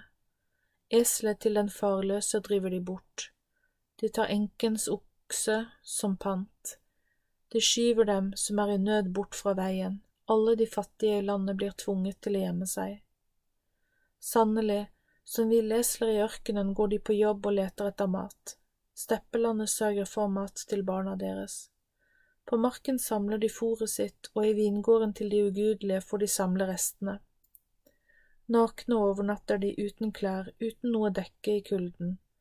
De blir våte av regnet som skyller over fjellene, og siden de ikke har noe ly, kryper de sammen inntil klippen. Hjerteløse river de det farløse barnet bort fra morens bryst. De krever sikkerhet hos den fattige og gjør dem enda mer fattige. Naken lar de ham gå ut uten klær, de tar kornet bort fra dem som sulter. Innenfor murene sine presser de olje, de trår vindpressen, men lider likevel av tørst. De døende stønner i byen, og de såredes sjel skriker. Likevel beskylder ikke Gud dem for å ha levd dårlige liv. Dette er disse som gjør opprør mot lyset, og som ikke holder seg til lysets vei. Morderen står opp med dagslyset, han slår i hjel den fattige og den som lever i nød. Om natten er han som en tyv. Han som vil ha sex utenfor ekteskapet, venter på skumringen, og han sier, Ingen kan se meg, han prøver å skjule ansiktet sitt. I mørket gjør de innbrudd i husene som de har merket ut om natten. De er ikke opptatt av å leve i lyset, for dem er månen lik dødsskyggen. De er kjent med død, dødens redsler. Slike mennesker er som krusning på vannoverflaten, de er forbannet på jorden, ingen av dem får det de trenger i livet. På samme måte som tørke og hete tar snøvannet bort, blir synderne tatt av dødsriket. Hans mor glemmer ham, marken koser seg med ham, ingen minnes ham lenger, for ondskap knekkes som et tre. For de onde plyndrer dem som ikke føder barn, og viser ingen godhet mot enken. Men han river de mektige bort ved sin kraft, han reiser seg, og ingen er trygg på å få leve. Han gir dem trygghet, og de stoler på den, men han holder øye med dem. De føler seg viktige en liten stund, men så er de ikke mer. Slik er de som lever uten Gud, de blir fornedret, som alle andre blir de borte, de visner som kornaksene. Er det ikke slik? Hvem kan bevise at jeg er en løgner og at jeg bare snakker tull? Jobbs bok 25 Bildads tredje tale Da sa sjuiten Bildad, kan et menneske være feilfritt? Herren er mektig, og ham skal man ha ærefrykt for. Han skaper fred i sin høyhet. Er det noe tall på hærene hans? Hvem får ikke oppleve lyset fra ham? Hvordan kan et menneske bli ren nok for Gud? Hvordan kan noen være ren blant dem som er født av en kvinne? Se på månen, den skinner ikke klart, og stjernene, ikke de engang er rene i hans øyne. Hvor mye mindre kan da et menneske være rent? Er vi ikke bare et kryp og en mark? Jobbs bok 26 Men Gud er stor. Men da svarer Jobb, hvordan har du gitt den kraftløse hjelp, hvordan har du reddet den som har kraftløse hender? Hvordan har du gitt råd til den som mangler visdom? Hvordan har du gjort mange vise råd kjent, for hvem har du snakket til, og hvilken ånd er det som driver deg og ordene dine? De dødes ånder skjelver, dødsriket er åpent foran ham, fortapelsen ligger utildekket. Han strekker himmelen ut over det uformede rom, han henger jorden fast i det som for oss ser ut som tomhet. Han demmer opp vannene i de tykke skyene sine, men likevel ødelegges ikke skyen under tyngden av vannet. Han dekker fullmånen idet han senker en sky over den. Han tegnet opp horisonten på vannoverflaten og lager, lager grenser for lys og mørke. Himmelens søyler skjelver, de er forskrekket over at han vil refse. Han pisker opp havet ved sin kraft, og han knuser stolthet i stormen. Ved ånden sin pynter han himlene. Hånden hans knuser den flyktende slangen. Sannelig, dette er bare litt av det han gjør, en svak hvisking av de ordene vi hører om ham, men drønnet av hans kraft hvem er det som forstår det? Jobbs bok 27 Jobb hevder at han har levd rett. Jobb fortsatte med visdomstalen sin. Så sant Gud lever, Han som har tatt fra meg det jeg hadde, den allmektige som har latt sjelen min bli bitter. Så lenge det er livspust i meg og Gud holder meg i live, skal ikke leppene mine formidle ondskap, og tungen min skal ikke uttale svik. Måtte jeg ikke skryte av det gode livet mitt til dere, men jeg vil ikke innrømme å ha levd dårlig når jeg ikke har gjort det. Så lenge jeg lever, vil jeg holde fast på at jeg er uskyldig i dette som jeg blir anklaget for. Med hånden på hjertet må jeg si at det ikke er sant. Må det bare gå ille for fiendene mine, måtte de bli behandlet som dem som lever uten Herren. For hva er hyklerens håp? Selv om han lurer mye til seg, hvilket håp har han når Gud rykker bort sjelen hans? Hører Gud ropet hans når lidelsene kommer over ham? Kan hykleren glede seg i nærvær av den allmektige? Kan han rope til Gud til enhver tid? Jeg vil lære dere om hvordan Gud handler, hva den allmektige tenker, vil jeg ikke skjule, dere vet jo om det, Hvorfor kommer dere med så mye tomt snakk? Dette skjer det ugudelige mennesket, dette skjer med voldsmenn. Den allmektige lar dem ikke leve, barna deres som er mange blir ikke mette, og de blir drept med våpen. De som overlever skal døden begrave, enken etter dem skal ikke gråte. Selv om han samler seg store verdier, skal han ikke få glede av det. Den rene som lever for Herren skal kle seg med det han samler, og den uskyldige skal fordele sølvet. For han har bygd huset sitt som en møll. Ja, det er ikke mer enn en løvhytte, som et midlertidig hus. Den rike forbryters liv blir kortvarig, plutselig er han der ikke mer. Redsler innhenter ham som en flodbølge. Stormen stjeler ham bort om natten. Østavinden bærer ham av sted, og han blir borte. Den feier ham bort for det er Herren som står imot ham, og han sparer ham ikke. Han flykter fortvilet fra Herrens straff. Folk klapper hånlig for ham og piper ham bort fra det stedet der han er. Jobbs bok 28 Visdom er ærefrykt for Gud. Sannelig finnes det sølvgruver.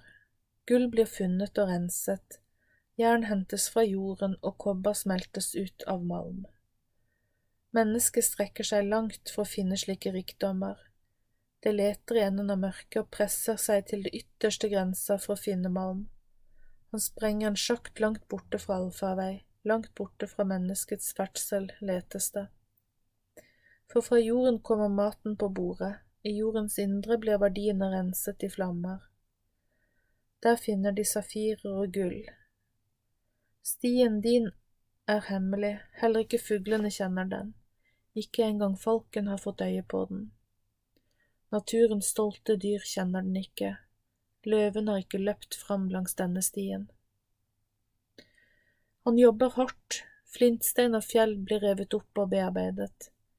Ganger hogges ut i klippene, så mye kostbart for øyet hans ser.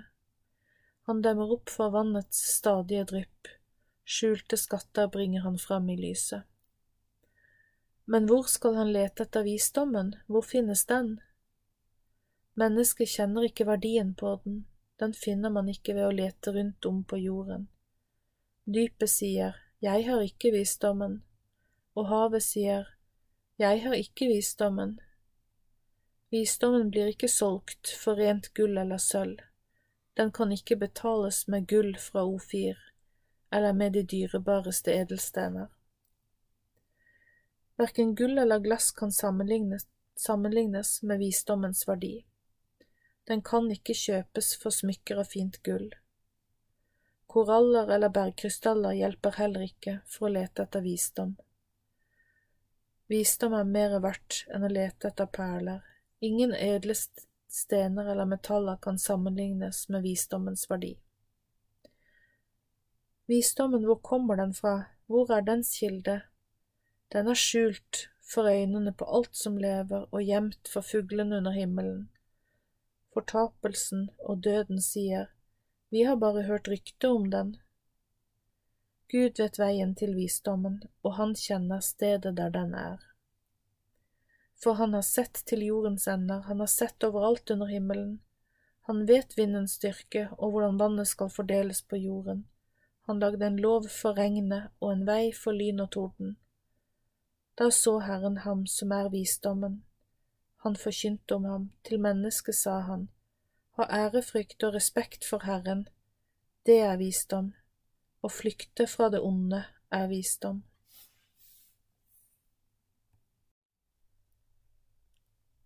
Jobbs bok 29 Jobb oppsummerer Jobb minnet tilhørende om sin tidligere lykke og fortsatte med visdomstalen sin. Å, om jeg kunne hatt det slik igjen. Den gang passet Gud på meg. Da kjente jeg lyset fra ham over hodet mitt, og ved lyset hans kunne jeg gå i mørket. Slik hadde jeg det, det i mine beste manndomsdager. Da hvilte Gud med nærværet sitt i huset mitt. Da var Den allmektige fortsatt med meg, og barna mine var rundt meg. Da hadde jeg det godt, og velstand strømmet mot meg. Når jeg gikk til, ut til byporten og satte meg på plassen min på torget, gikk de unge mennene og gjemte seg når de så meg. De eldre reiste seg og ble stående i respekt for meg. Til og med fyrstene tidde, for de passet nøye på hva de sa når jeg var der. Mektige menn mistet munn og mæle, tungen deres klistret seg fast i galen. Dem som hørte hva jeg sa, velsignet meg, og den som så, vitnet etterpå om det gode jeg gjorde. For jeg befridde den fattige som ropte i nød, jeg hjalp den farløse som ingen hjelper hadde. Jeg hjalp han som var på undergangens rand slik at han lovpriste meg for det. Jeg fikk enkens hjerte til å juble av glede. Jeg var opptatt av alltid å opptre rettferdig. Rettferdigheten kledde jeg på meg som en kappe og som en lue, slik var jeg dommer blant folket. Jeg så på vegne av den blinde og brukte beina mine på vegne av den lamme. Jeg var en far for den fattige, og jeg utforsket saken for en jeg ikke kjente. Jeg knuste kjevene på voldsmenn idet jeg rev offeret deres fra dem. Da sa jeg, jeg skal få dø i fred hjemme hos meg selv, og dagene mine skal bli like mange som sanden. Livstreet mitt fikk næring av vannet og dugget. Dugget velsignet meg i løpet av natten. Min ære ble fornyet i, min, i mitt indre, og våpnene mine lå ubrukte og nye ved min side. Det var på meg de hørte, de tidde og de ventet, de lyttet til rådet mitt. Etter at jeg hadde sagt mitt, svarte de ikke, de tok ordene inn, mine inn over seg. De ventet på meg slik bonden venta på regnet. Som sultne måker åpnet de munnen sin og tok imot ordene mine. Jeg oppmuntret dem når de ikke kunne tro. De kjente seg ikke fordømt av meg, jeg valgte veien for dem og ledet dem. Som en konge bodde jeg midt blant dem. Det var som en konge som er omringet av sin egen hær. Jeg var den som trøstet de sørgende. Jobbs bok 30 Gud gir bare prøvelser.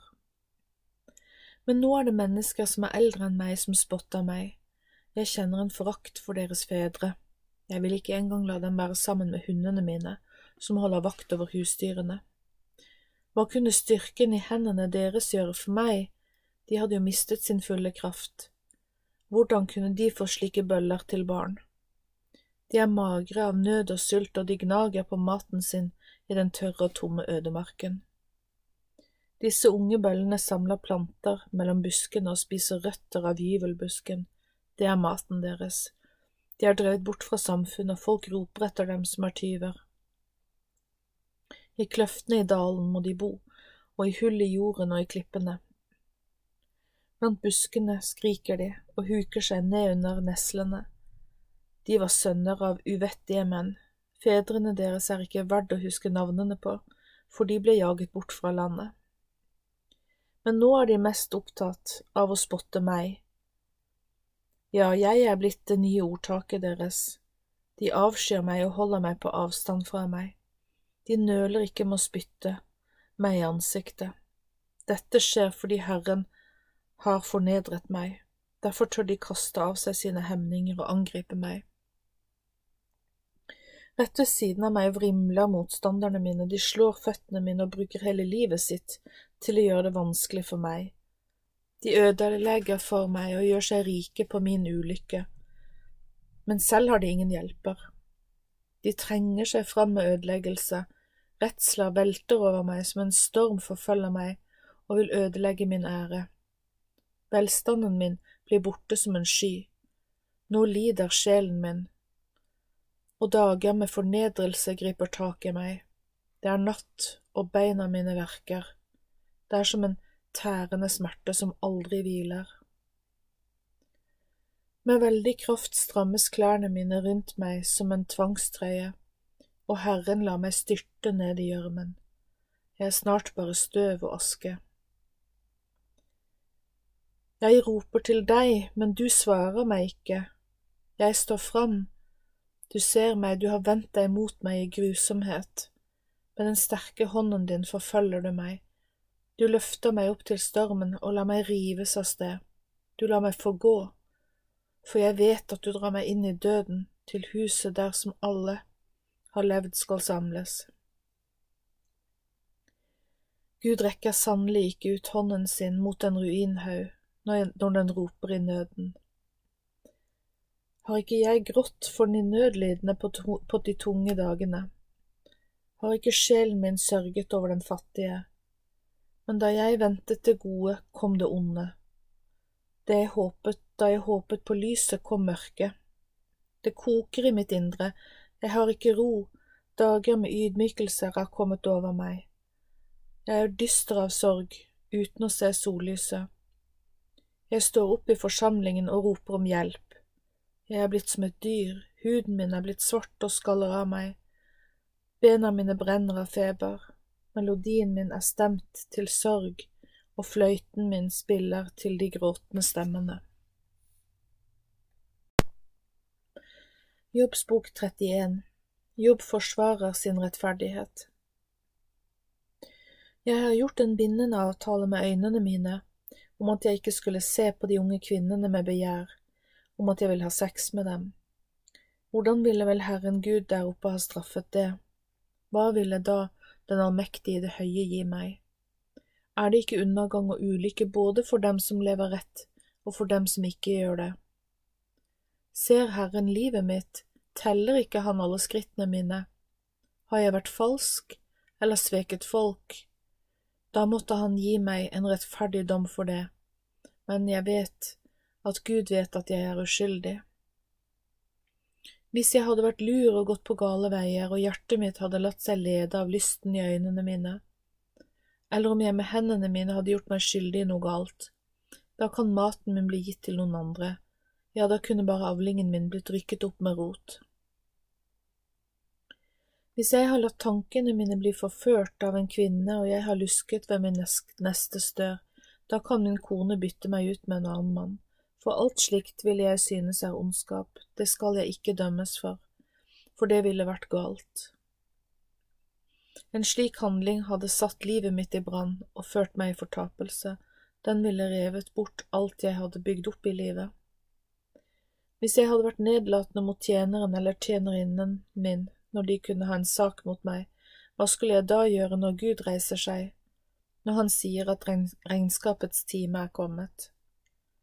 Hvordan skal jeg da svare ham, han som formet meg i mors liv, har han ikke også formet de andre? Var det ikke den samme som ga oss liv, har jeg vel nektet de fattige det de ønsket seg eller bare overlatt enken til seg selv? Har jeg spist brødet mitt alene, uten å dele det med farløse? Nei. Helt fra jeg var en ungdom har jeg oppfostret den farløse, jeg har tatt meg av ham som en far. Enken har jeg ledet og hjulpet siden jeg var en ung mann. Kunne jeg se på at noen gikk til grunne fordi de manglet klær, eller at en fattig mann ikke hadde noe å dekke seg med? Var det ikke slik at de med glede velsignet meg med ord, da jeg lot de varme seg med ullen fra sauene mine?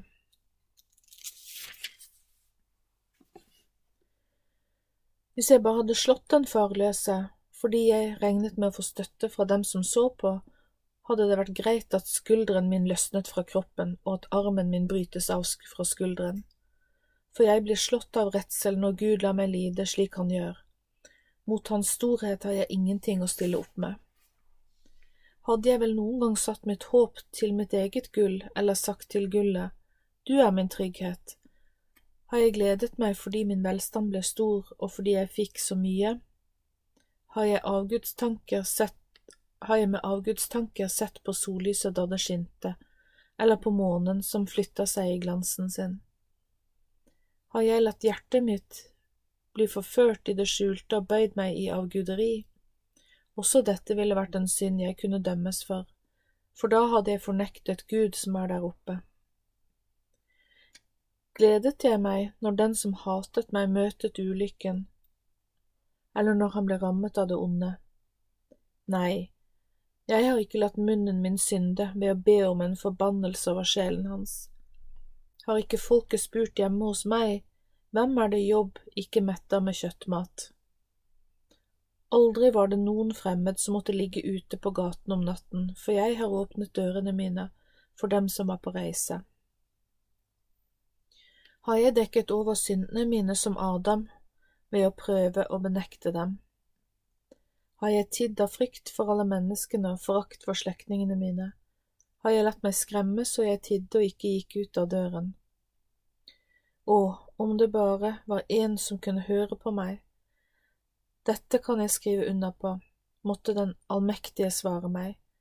Ville bare de som har noe å anklage meg for, skrive en bok, da skulle jeg bære den på skulderen og binde den på meg som en krone, jeg ville avlegge regnskap for ham, han skulle få vite alt om livet mitt, som en fyrste skulle jeg tre fram for ham. Hvis landet mitt skriker mot meg, fordi jeg skulle ha misligholdt det, hvis jeg har spist dets avlinger uten å betale, hvis jeg har forsynt meg på eieren så eieren deres har lidd og sultet, da må det vokse ugress på åkrene mine i stedet for hvete. La det da vokse ugress i stedet for bygg. Jobbs ord er slutt. Jobbs bok 32 Eliu motsier Jobb og hans venner. Da holdt disse tre mennene opp med å svare Jobb, fordi han ikke så på seg selv som en synder. Da ble Eliu sint, han var Busitten Barakkels sønn av ramsslekt. Han ble sint på Jobb, fordi han så på seg selv som mer rettferdig enn Gud selv. Han ble også sint på Jobbs tre venner fordi de ikke hadde noen gode svar å gi Jobb, bortsett fra å anklage ham. Siden de andre vennene var eldre enn ham, hadde Eliu bare hørt på samtalen som de hadde med Jobb. Da Eliu innså at disse tre mennene ikke hadde noe svar, ble han irritert. Derfor sa han, Jeg er den yngste av oss. Av respekt for dere har jeg holdt meg i bakgrunnen og ikke våget å si hva jeg tenker. Jeg tenkte at dere som er eldst, vet best hva som er klokt å si. Men det er Den allmektiges ånd som gir menneskene forstand. De er ikke kloke fordi de har levd lenge, de forstår heller ikke hva som er rett fordi de er gamle. Derfor sier jeg, Lytt til meg, for jeg vil også dele hva jeg tenker. Sannelig, jeg lyttet til de grunnene dere kom fram med, dere lette etter hva dere skulle si, jeg hørte nøye på dere. Det var sannelig ikke en av dere som kunne irettesette jobb eller svare ham på spørsmålene hans. Dere har ikke kommet med noe overbevisende som gjør at dere kan si at Herren har snakket gjennom dere med visdommen sin. Jobb har ikke spurt meg om råd, og jeg vil i hvert fall ikke svare ham på samme måte som dere har gjort. Dere er forferdet og har ikke mer å si. Skal jeg bare vente fordi dere ikke har mer å si, fordi dere bare står der og ikke kan svare mer? Nei, jeg vil også svare, for jeg har mye på hjertet. Ånden i mitt indre tvinger meg til å si noe, jeg er sprekkferdig nå og kan ikke holde meg lenger. Jeg må få sagt noe så jeg kan få puste ut. Jeg ber bare om at jeg ikke må ta parti for noen, jeg snakker ikke for å smigre noen, da ville skaperen min snart ta meg bort. Jobbs bok 33 Eliu klager på jobb. Men jeg ber deg, Jobb, hør på ordene mine, lytt til det jeg har å si.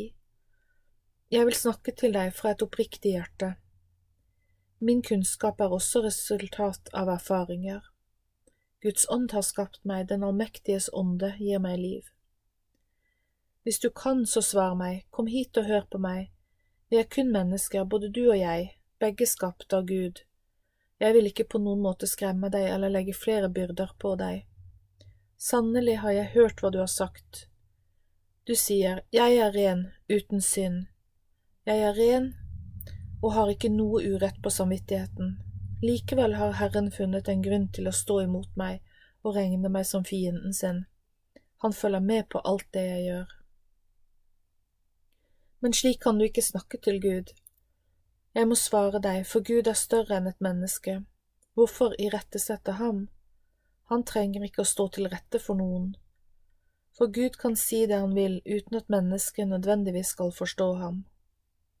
Han kan komme til menneskene i en drøm i et syn om natten når dyp søvn er falt over menneskene, eller mens de slumrer på sitt leie. Da åpner han menneskenes ører og gir rettledningen, slik at han kan lede mennesket bort fra den gale vei. Slik hjelper han mennesket fra å ødelegges av sin skjulte stolthet, og redder det fra fortapelsen. Mennesket blir også satt på plass med å få smerte, noen får stadig smerte i mange av bønnene sine. Så dårlige kan de bli at de verken orker brød eller innbydende kjøttretter, og til slutt stikker knoklene deres frem, ja, og nærmer seg døden. Hvis det bare kunne finnes en mellommann mellom Gud og menneske som kunne komme med bud og vise den rette vei, da måtte han være nådig mot ham og si, han skal ikke gå i fortapelsen, men skal gå fri. Jeg har funnet en som er villig til å betale for synden hans. Da skal menneskets kropp bli friskt som på et barn, og igjen skal han bli slik han var da han var ungdom. Mennesket skal be til Gud, og han skal glede seg over det. Mennesket skal se Herrens ansikt juble, for han gir mennesket hans rettferdighet tilbake. Et slikt menneske ville da se på andre mennesker og si, Jeg har syndet og gjort gale ting, men Herren straffet meg ikke for det. Han befrir sjelen min fra å gå fortapt, og i stedet skal jeg få se lyset. Se, det er Gud som lar det alt dette skje, to ganger, ja tre ganger for mennesket, for å frelse sjelen hans fra fortapelsen, så han i stedet får se lyset fra de levendes lys. Lytt, Jobb, hør på meg, vær stille, nå er det jeg som skal snakke. Hvis du har noe å svare meg, så si det, for jeg vil gjerne at du skal få forklare deg.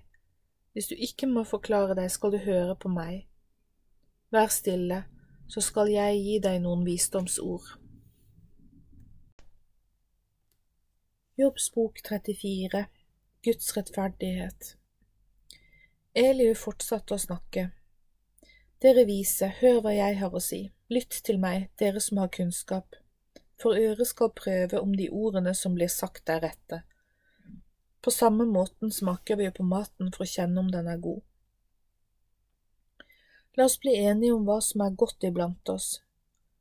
For Jobb har sagt, Jeg har ikke begått noen feilsteg, men Gud har behandlet meg som en skyldig. Skulle jeg lyve om dette, skulle jeg si at jeg fortjente all denne ulykke, sårene mine er uhelbredelige, selv om jeg ikke har gjort meg skyldig i noen lovbrudd. Hva har så Jobb gjort, spotter han ikke Herren daglig? Har han ikke koblet seg sammen med syndere og gjort seg til en av dem når han sier, En mann som ikke har noen gagn av å leve til glede for Gud? Derfor hør på meg, dere kloke menn, en ting er sikkert. Herren den allmektige gjør i hvert fall ikke noe galt, for han er rettferdig og lar mennesket få igjen for sine handlinger. Vi får som fortjent, sannelig, Gud gjør aldri urett. Den allmektige er ikke urettferdig. Hvem lot han få tilsynet med jorden, eller hvem satte han over hele verden? Hvis han gikk mot noen, eller hvis han tar ånden sin og pusten sin tilbake, ville alt liv dø samtidig. Menneskene hadde bare blitt til jord og støv. Men hvis du er klok, så hør på dette, lytt til ordene mine. Kan en som selv er skyldig, stå for en rettferdig rettergang? Hvordan våger du å dømme ham skyldig han som er den rettferdige og den mektige. Sømmer det seg å si til en konge, du er en forbryter, eller til hellige menn, dere er onde. For Herren er ikke partisk, han tar ikke parti for fyrster, og han tar ikke mer hensyn til de rike enn til de fattige, for de er alle skapt av hendene hans. På et øyeblikk skal de dø, noen ganger midt på natten, det kan være rystende, men folk lever og dør, selv den mektige kan uten varsel rykkes ut fra livet. For Herren vet, ser hvordan mennesket lever, og han ser alle skrittene hans. Det finnes ikke noe mørke der lovbrytere kan skjule seg, for han trenger ikke følge lenge med på hva mennesket gjør, for å avsi en dom. Han kan knuse de mektige uten forhør og la andre få overta oppgavene deres. For Herren vet alt om hva de gjør, derfor kan han tilintetgjøre dem om natten han lar skylden deres også bli synlig for andre. Slik går det med dem som har vendt seg bort fra ham og ikke vil forstå hva som er hans vilje for livene deres. Derfor kom de fattiges rop fram til ham, og han hører ropet fra dem som kjenner seg ydmyket. Når han skaper stillhet, hvem våger da å dømme skyldig? Skjuler han ansiktet sitt, hvem får da se ham, enten det er et folkeslag eller et enkelt menneske? Derfor må ikke hykleren være konge, så det ikke blir lagt noen feller for folket. For har vel noen sagt dette til Gud? Jeg har satt meg selv for høyt, det er ikke bra og jeg vil slutte med det, lær meg det jeg ikke ser. Har jeg gjort urett, vil jeg ikke gjøre det mer. Skulle han gi deg det du fortjener? Har ikke du vært nedlatende mot ham, du må velge selv, ikke jeg, du burde ikke si mer enn du virkelig vet noe om, alle de kloke jeg har snakket med, sier til meg. Jobb snakker om slikt han ikke har greie på, det han sier er ikke klokt. Måtte han bare oppleve alle disse prøvelsene, for han er forbrytersk i det han sier mot Gud. Han sier det ene verre enn det andre, og lar det bli mange ord mot Gud. Jobbs bok 35 Eliu fordømmer selvgodhet. Eliu fortsatte med sitt innlegg. Tror du det er rett når du sier, Jeg vet mer om hva som er rett enn Gud, for du sier, Hva bryr vel Gud seg om, du har syndet? Hvilken fordel har du som lever rett? Jeg vil svare både deg og vennene dine som er hos deg, se opp mot himmelen og legg merke til skyene, de er høyere enn deg. Hva gjør det vel Gud om du synder, hva betyr alle lovbruddene dine for ham? Eller hvis du lever helt uten synd, hva kan du gi ham, hva har vel du å tilby ham? Det er bare du selv som rammes dersom du lever i synd, på samme måte er det du som har nytte av å leve et liv uten synd. Mange er de som roper når de lider og blir undertrykt, de skriker om hjelp for de kjenner seg svake. Men ingen kloke sier Hvor er Gud, min skaper? Hvor er Han som gir oss lyst til å lovsynge om natten? Hvor er Han som lærer oss mer enn villdyrene på marken og gjør oss klokere enn fuglene under himmelen? De som skulle komme til å si noe slikt, vil ikke få svar fra ham. selv gode og onde mennesker får ikke svar fra ham, sannelig, Gud hører ikke på tomt snakk, den allmektige bryr seg ikke om det. Også når du, Jobb, snakker om at du ønsker å stille i rettssak mot ham, og at du bare vil vente på ham, da kan du være glad for at han ikke har straffet deg i sinne. Han har sett bort fra det dumme du har sagt. Uten snev av selverkjennelse har du brukt så mange unyttige ord. Jobbs bok 36 Jobb blir bedt om å ydmyke seg. Elius sa videre, Vær tålmodig med meg litt til, det er enda mer å si til Guds forsvar, skaperen min er rettferdig, for jeg kommer sannelig ikke med falsk lære, det jeg nå sier er fullkommen kunnskap. Se, Gud er mektig, men han forkaster ingen, han er mektig i sitt hjertes kraft, han hjelper ikke dem som vil leve et syndig liv, men han hjelper dem som er ydmyke og elendige. Han tar ikke øynene sine bort fra dem som er ydmyk for ham og vil leve rett. Han lar dem sitte på tronen sammen med konger, og han gir dem et verdig liv. Hvis de lar seg binde av synd, da åpenbarer han synden deres for dem, så de skjønner at de er på feil vei. Han lar dem høre ord som kan lede dem på rett vei igjen, og han befaler dem om å slutte å synde. Hvis de er lydige mot ham og tjener ham, skal de få gode år så lenge de lever, og de skal oppleve herlig lykke. Men dersom de ikke vil høre på irettesettelsen, skal de dø uten kunnskap. De som i hjertet sitt har bestemt seg for å leve uten Gud, samler opp straff. De roper ikke om hjelp fra Gud.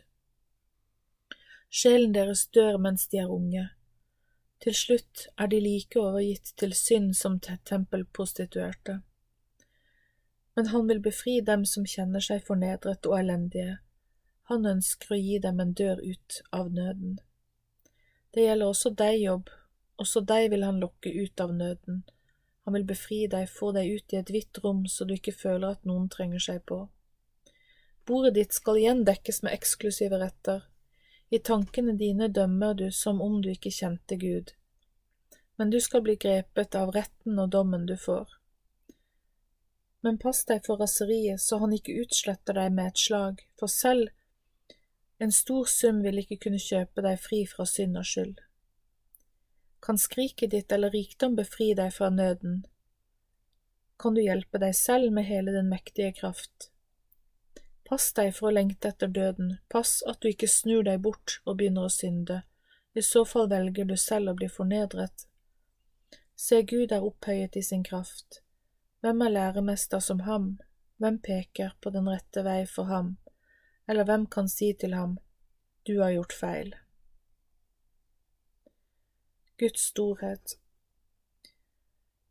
Husk å prise verket hans, det alle mennesker synger om, hvert menneske ser det på lang avstand. Se, Gud er opphøyet, men vi forstår det ikke. Vi forstår ikke evigheten hans. Han er den som former vanndråper og gjør regnet til tåke. Han lar skyene dryppe ned og lar det strømme rikelig over mennesket. Er det sannelig noen som forstår hvordan skyene brer seg ut, eller hvordan torden braker under himmel himmelhvelvingen hans? Se, han sprer lyset sitt over den, han dekker havets dyp, han gir mat i overflod, han er folkenes dommer. Han befaler lyset og ramme målet. Tordenbrak bærer bud om ham og om det som nå kommer. Jobbs bok 37 Jobb forstår ikke Guds storhet. Ja, dette får hjertet mitt til å skjelve, som om det skal rive seg løs fra brystet mitt. Hør nøye på tordendrømmet hans. Det er en buldrende stemme som kommer fra munnen hans, han sender det utover hele himmelen. Lynglimtet hans når til jordens ende, og han tordner med sin mektige stemme. Det er ikke til å holde ut, men den er også mektig og stor. Det han gjør er så stort, og vi forstår det ikke, for han sier til snøen, fall ned på jorden. Det samme sier han både til byger og til det kraftige styrtregn. På hvert menneskes, mens menneskets hånd setter han stempelet sitt, så alle mennesker kan forstå skaperverket hans. De ville dyrene går inn i hulen sin og ligger i hiet sitt. Stormen kommer, og kraftig vind bringer kulde. Med Guds åndpust kommer frosten og de store vannene fryser til. Han tynger de tykke skyene med hvete og får skyer med lyn til å bre seg. De driver omkring og kommer til og fra etter hans ledelse, så de kan gjøre det han befaler dem over hele den vide jorden. Om det er til straff eller glede, lar han det komme. Lytt til dette, jobb, stå stille og se på Guds underverk. Forstår du hvordan Gud sender dette omkring? Og la lyset fra skyen sin stråle fram. Forstår du hvordan skyene holdes oppe? Det er fantastisk skapt av ham som er fullkommen i kunnskap. Du får varmet klærne dine når jorden roes ned ved den milde vinden. Kunne du spent ut himmelhvelvingen sammen med ham? Lær oss hva vi skal si til ham, for på grunn av vårt mørke får vi ikke fram et ord. Skal vi melde vår ankomst for å prate til ham? Om et menneske prater til ham, skal det sannelig svinne bort fra nærværet hans.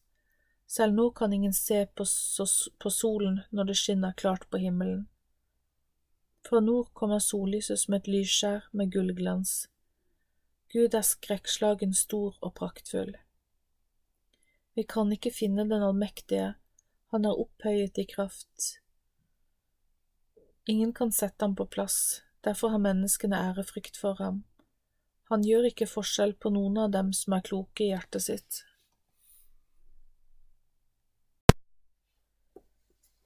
Jobbs bok 38 Herren åpenbarer seg for Jobb.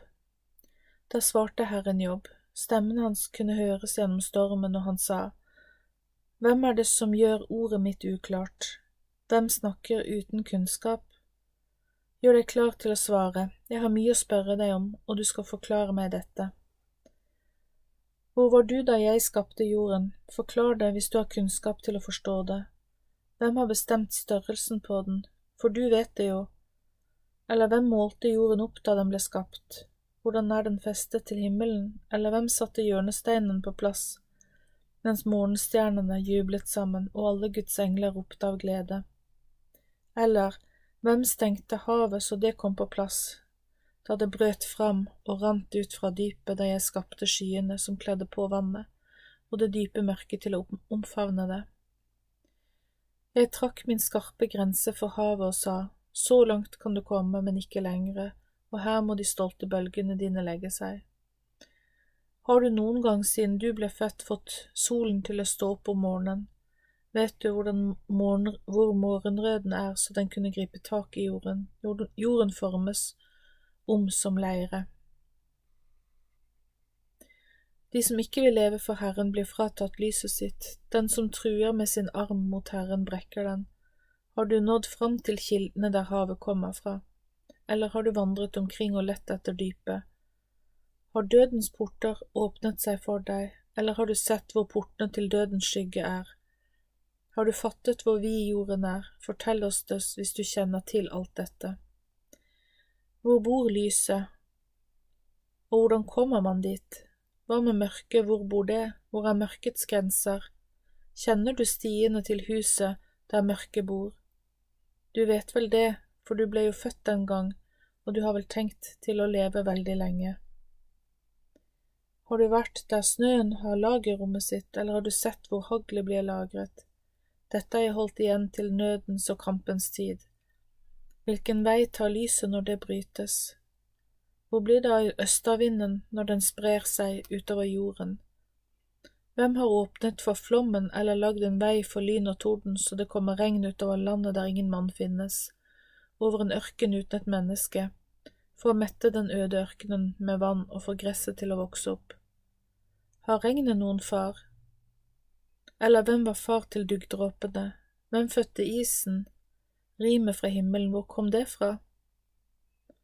Vannet hardner som stein, og dypets overflate fryser til. Hvordan går dette til?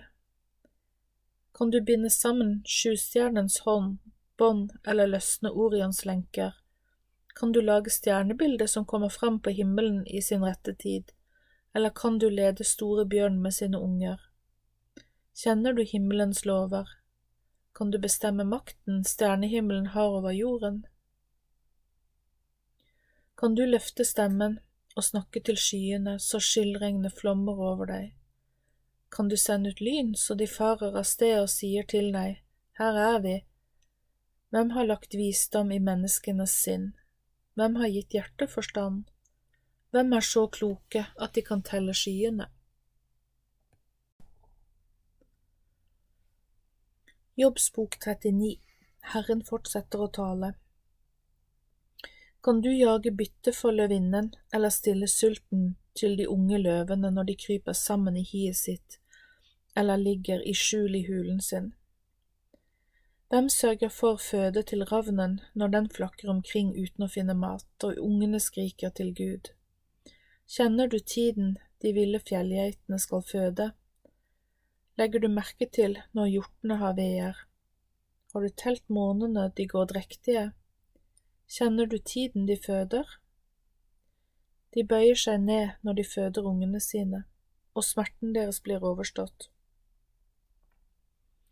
Ungene deres er sterke, de vokser opp ute på marken, de drar bort og kommer ikke tilbake til dem.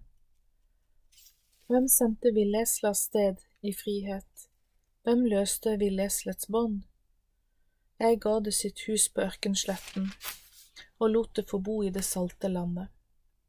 Vi Villeslet ler av byens støy, og det søker beitemark i fjellene. Det leter etter hvert grønt strå. Er villoksen villig til å tjene deg, vil den være hos deg natten over. Kan du tjore på den utstyr og sette den i arbeid på jordene? Kan du stole på den fordi den er så sterk, eller kan du overlate grovarbeidet til den? Er du trygg på at den kommer tilbake med kornet ditt og samler det på treskeplassen din? Strutsen vifter lystig med vingene, men har ikke vinger og fjærdrakt som storken. Derfor må den forlate eggene sine på jorden og varme dem i støvet. Den glemmer at en fot kan knuse dem, eller at markens dyr kan tråkke på den. På det. Den behandler ungene sine hardt som om det ikke var dens egne, uten bekymring for om strevet den seg forgjeves. For Gud har nektet den visdom og har ikke tildelt den forstand. Når den retter seg opp i høyden, ler den av hesten og rytteren på den. Kan du gi hesten styrke, kan du kle nakken dens med bølgende man, kan du få den til å springe som en gresshoppe. Den sprer skrekk når den vrinsker stolt. Nede i dalen skraper den i jorden og fryder seg i styrken den har. Den går ikke ut i møte med en væpnet hær, den ler av frykten og lar seg ikke skremme. Den snur heller ikke for sverdet det rasles med pilekogre imot den. Det blinker i spyd og kastespyd. Den legger avstander bak seg så jorden rister, den stanser heller ikke når det gjaller i basunen. Hver gang bukkehornet lyder, sier den aha, den værer striden på lang avstand, brøl fra befalingsmenn og skrik under slaget. Er det på grunn av forstanden din at hauken svinger seg opp og spenner vingene sine ut mot sør? er det på ditt ord ørnen stiger opp og bygger redet sitt i det høye. På berget bor den der den holder til, på kanten av klippen, og sin trygge tilflukt. Derfra speider den etter mat. Den har øyne som finner det på lang avstand. Ungene hos den slurper i seg blod, og hvor det er dødt, et dødt dyr, der er den. Herren fortsatte å svare Jobb og sa, den som går til sak mot den allmektige for å irettesette ham, bør selv kunne svare på dette. Jobb svarer Gud. Da svarte Jobb, Hvem er vel lille jeg at jeg skulle kunne svare deg, hva skulle jeg svare deg? Jeg må tie, jeg har snakket både én og to ganger, men dette kan jeg ikke svare på, jeg kan ikke si noe en gang til.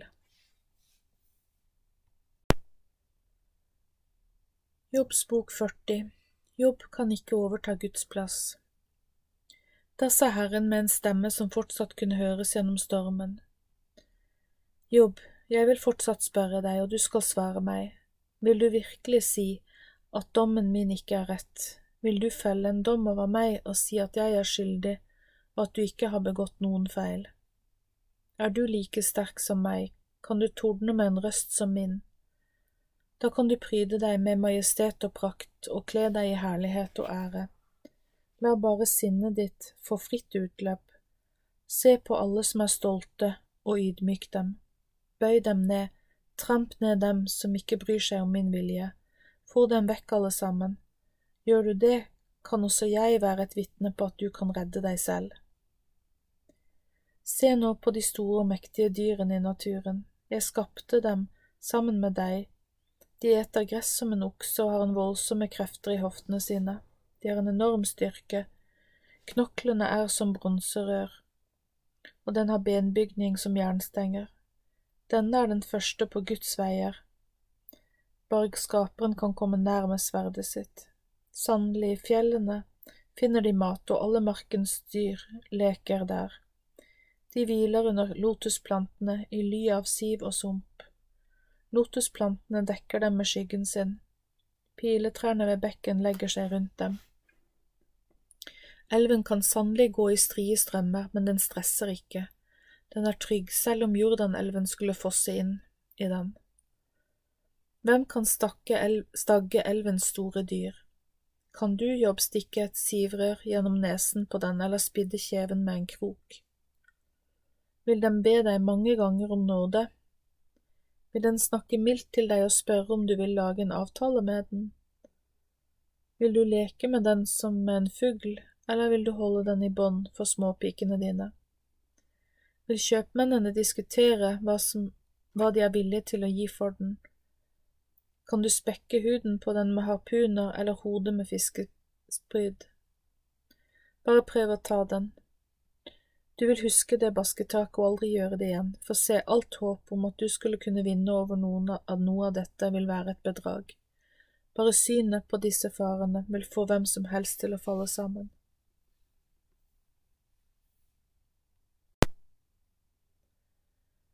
Jobbs bok 41 Ingen er så dristig at han våger å tirre elvens farlige dyr. Hvem kan da våge å utfordre meg? Hvem var før meg, så jeg skulle skylde ham noe? Alt under himmelen hører jo meg til, jeg vil ikke tie stille om dens mektige kraft og dens yndige skikkelse. Hvem kan flå jordens mektige skikkelse? Den er skummel som et dyr med dobbelt hanngard. Hvem kan åpne dørene, dørene til ansiktet på den? Det står skrekk av tennene dens.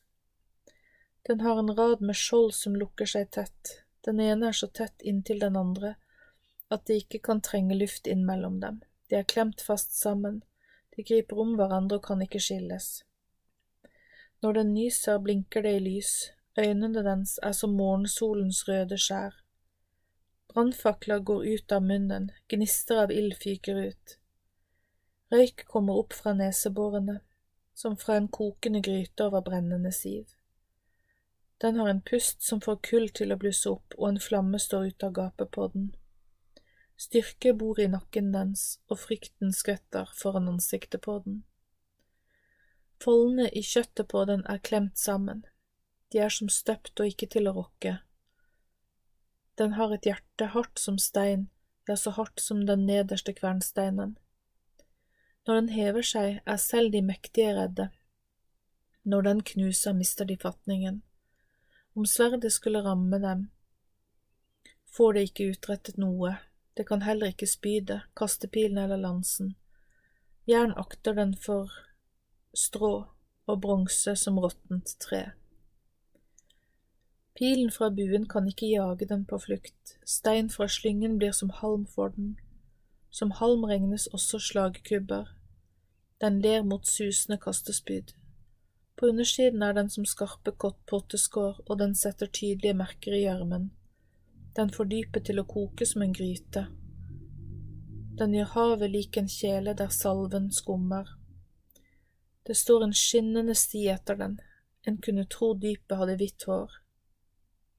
Dens like finnes ikke på jorden, formet uten frykt som den er. Alt som er høyt ser den, den er jo konge over alle stolte skapninger. Jobbs bok 42 Herren ydmyker og velsigner jobb. Da svarte Jobb, jeg erkjenner at du kan alt, og at du ikke hindres i å utføre hvilken plan det enn måtte være. Du spør, hvem snakker uten kunnskap? Derfor var det jeg som snakket om ting jeg ikke forsto, det som var for stort for meg og jeg ikke hadde kunnskap om. Men jeg ber deg om å høre på hva jeg har å si. La meg få spørre deg, lær meg, jeg har bare hørt rykter om deg, men nå er du her, derfor gir jeg slipp på alt. Jeg angrer i støv og aske. Da sa Gud til temanitten Elifas, Jeg er sint på deg og på de to vennene dine, for dere har ikke sagt det som er rett om meg, slik min tjener Jobb har. Derfor skal dere nå ta med dere sju okser og sju værer. Gå til min tjener Jobb og bær fram disse dyrene som brennoffer for dere selv. Min tjener Jobb skal gå i forbønn for dere, og jeg vil høre bønnen hans.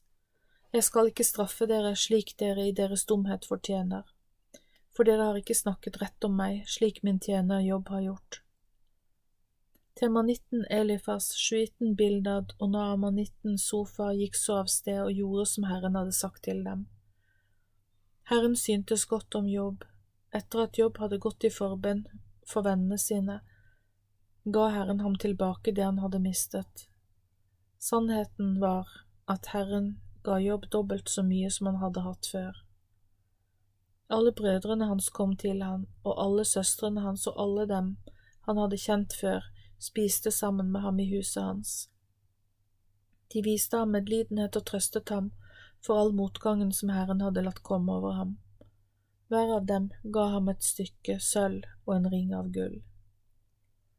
Herren velsignet Jobbs siste dager med mer enn han hadde hatt i begynnelsen. Det ble gitt ham 14 000 sauer, 6000 kameler, 1000 par okser og tusen eselhopper. Han fikk også sju sønner og tre døtre. Den første datteren kalte han Jemima, den andre Kesia og den tredje Keren Happuk. Det fantes ikke så vakre kvinner som døtrene til jobb i hele landet. Faren deres lot dem få arve sammen med brødrene sine. Etter dette levde Jobb i 140 år.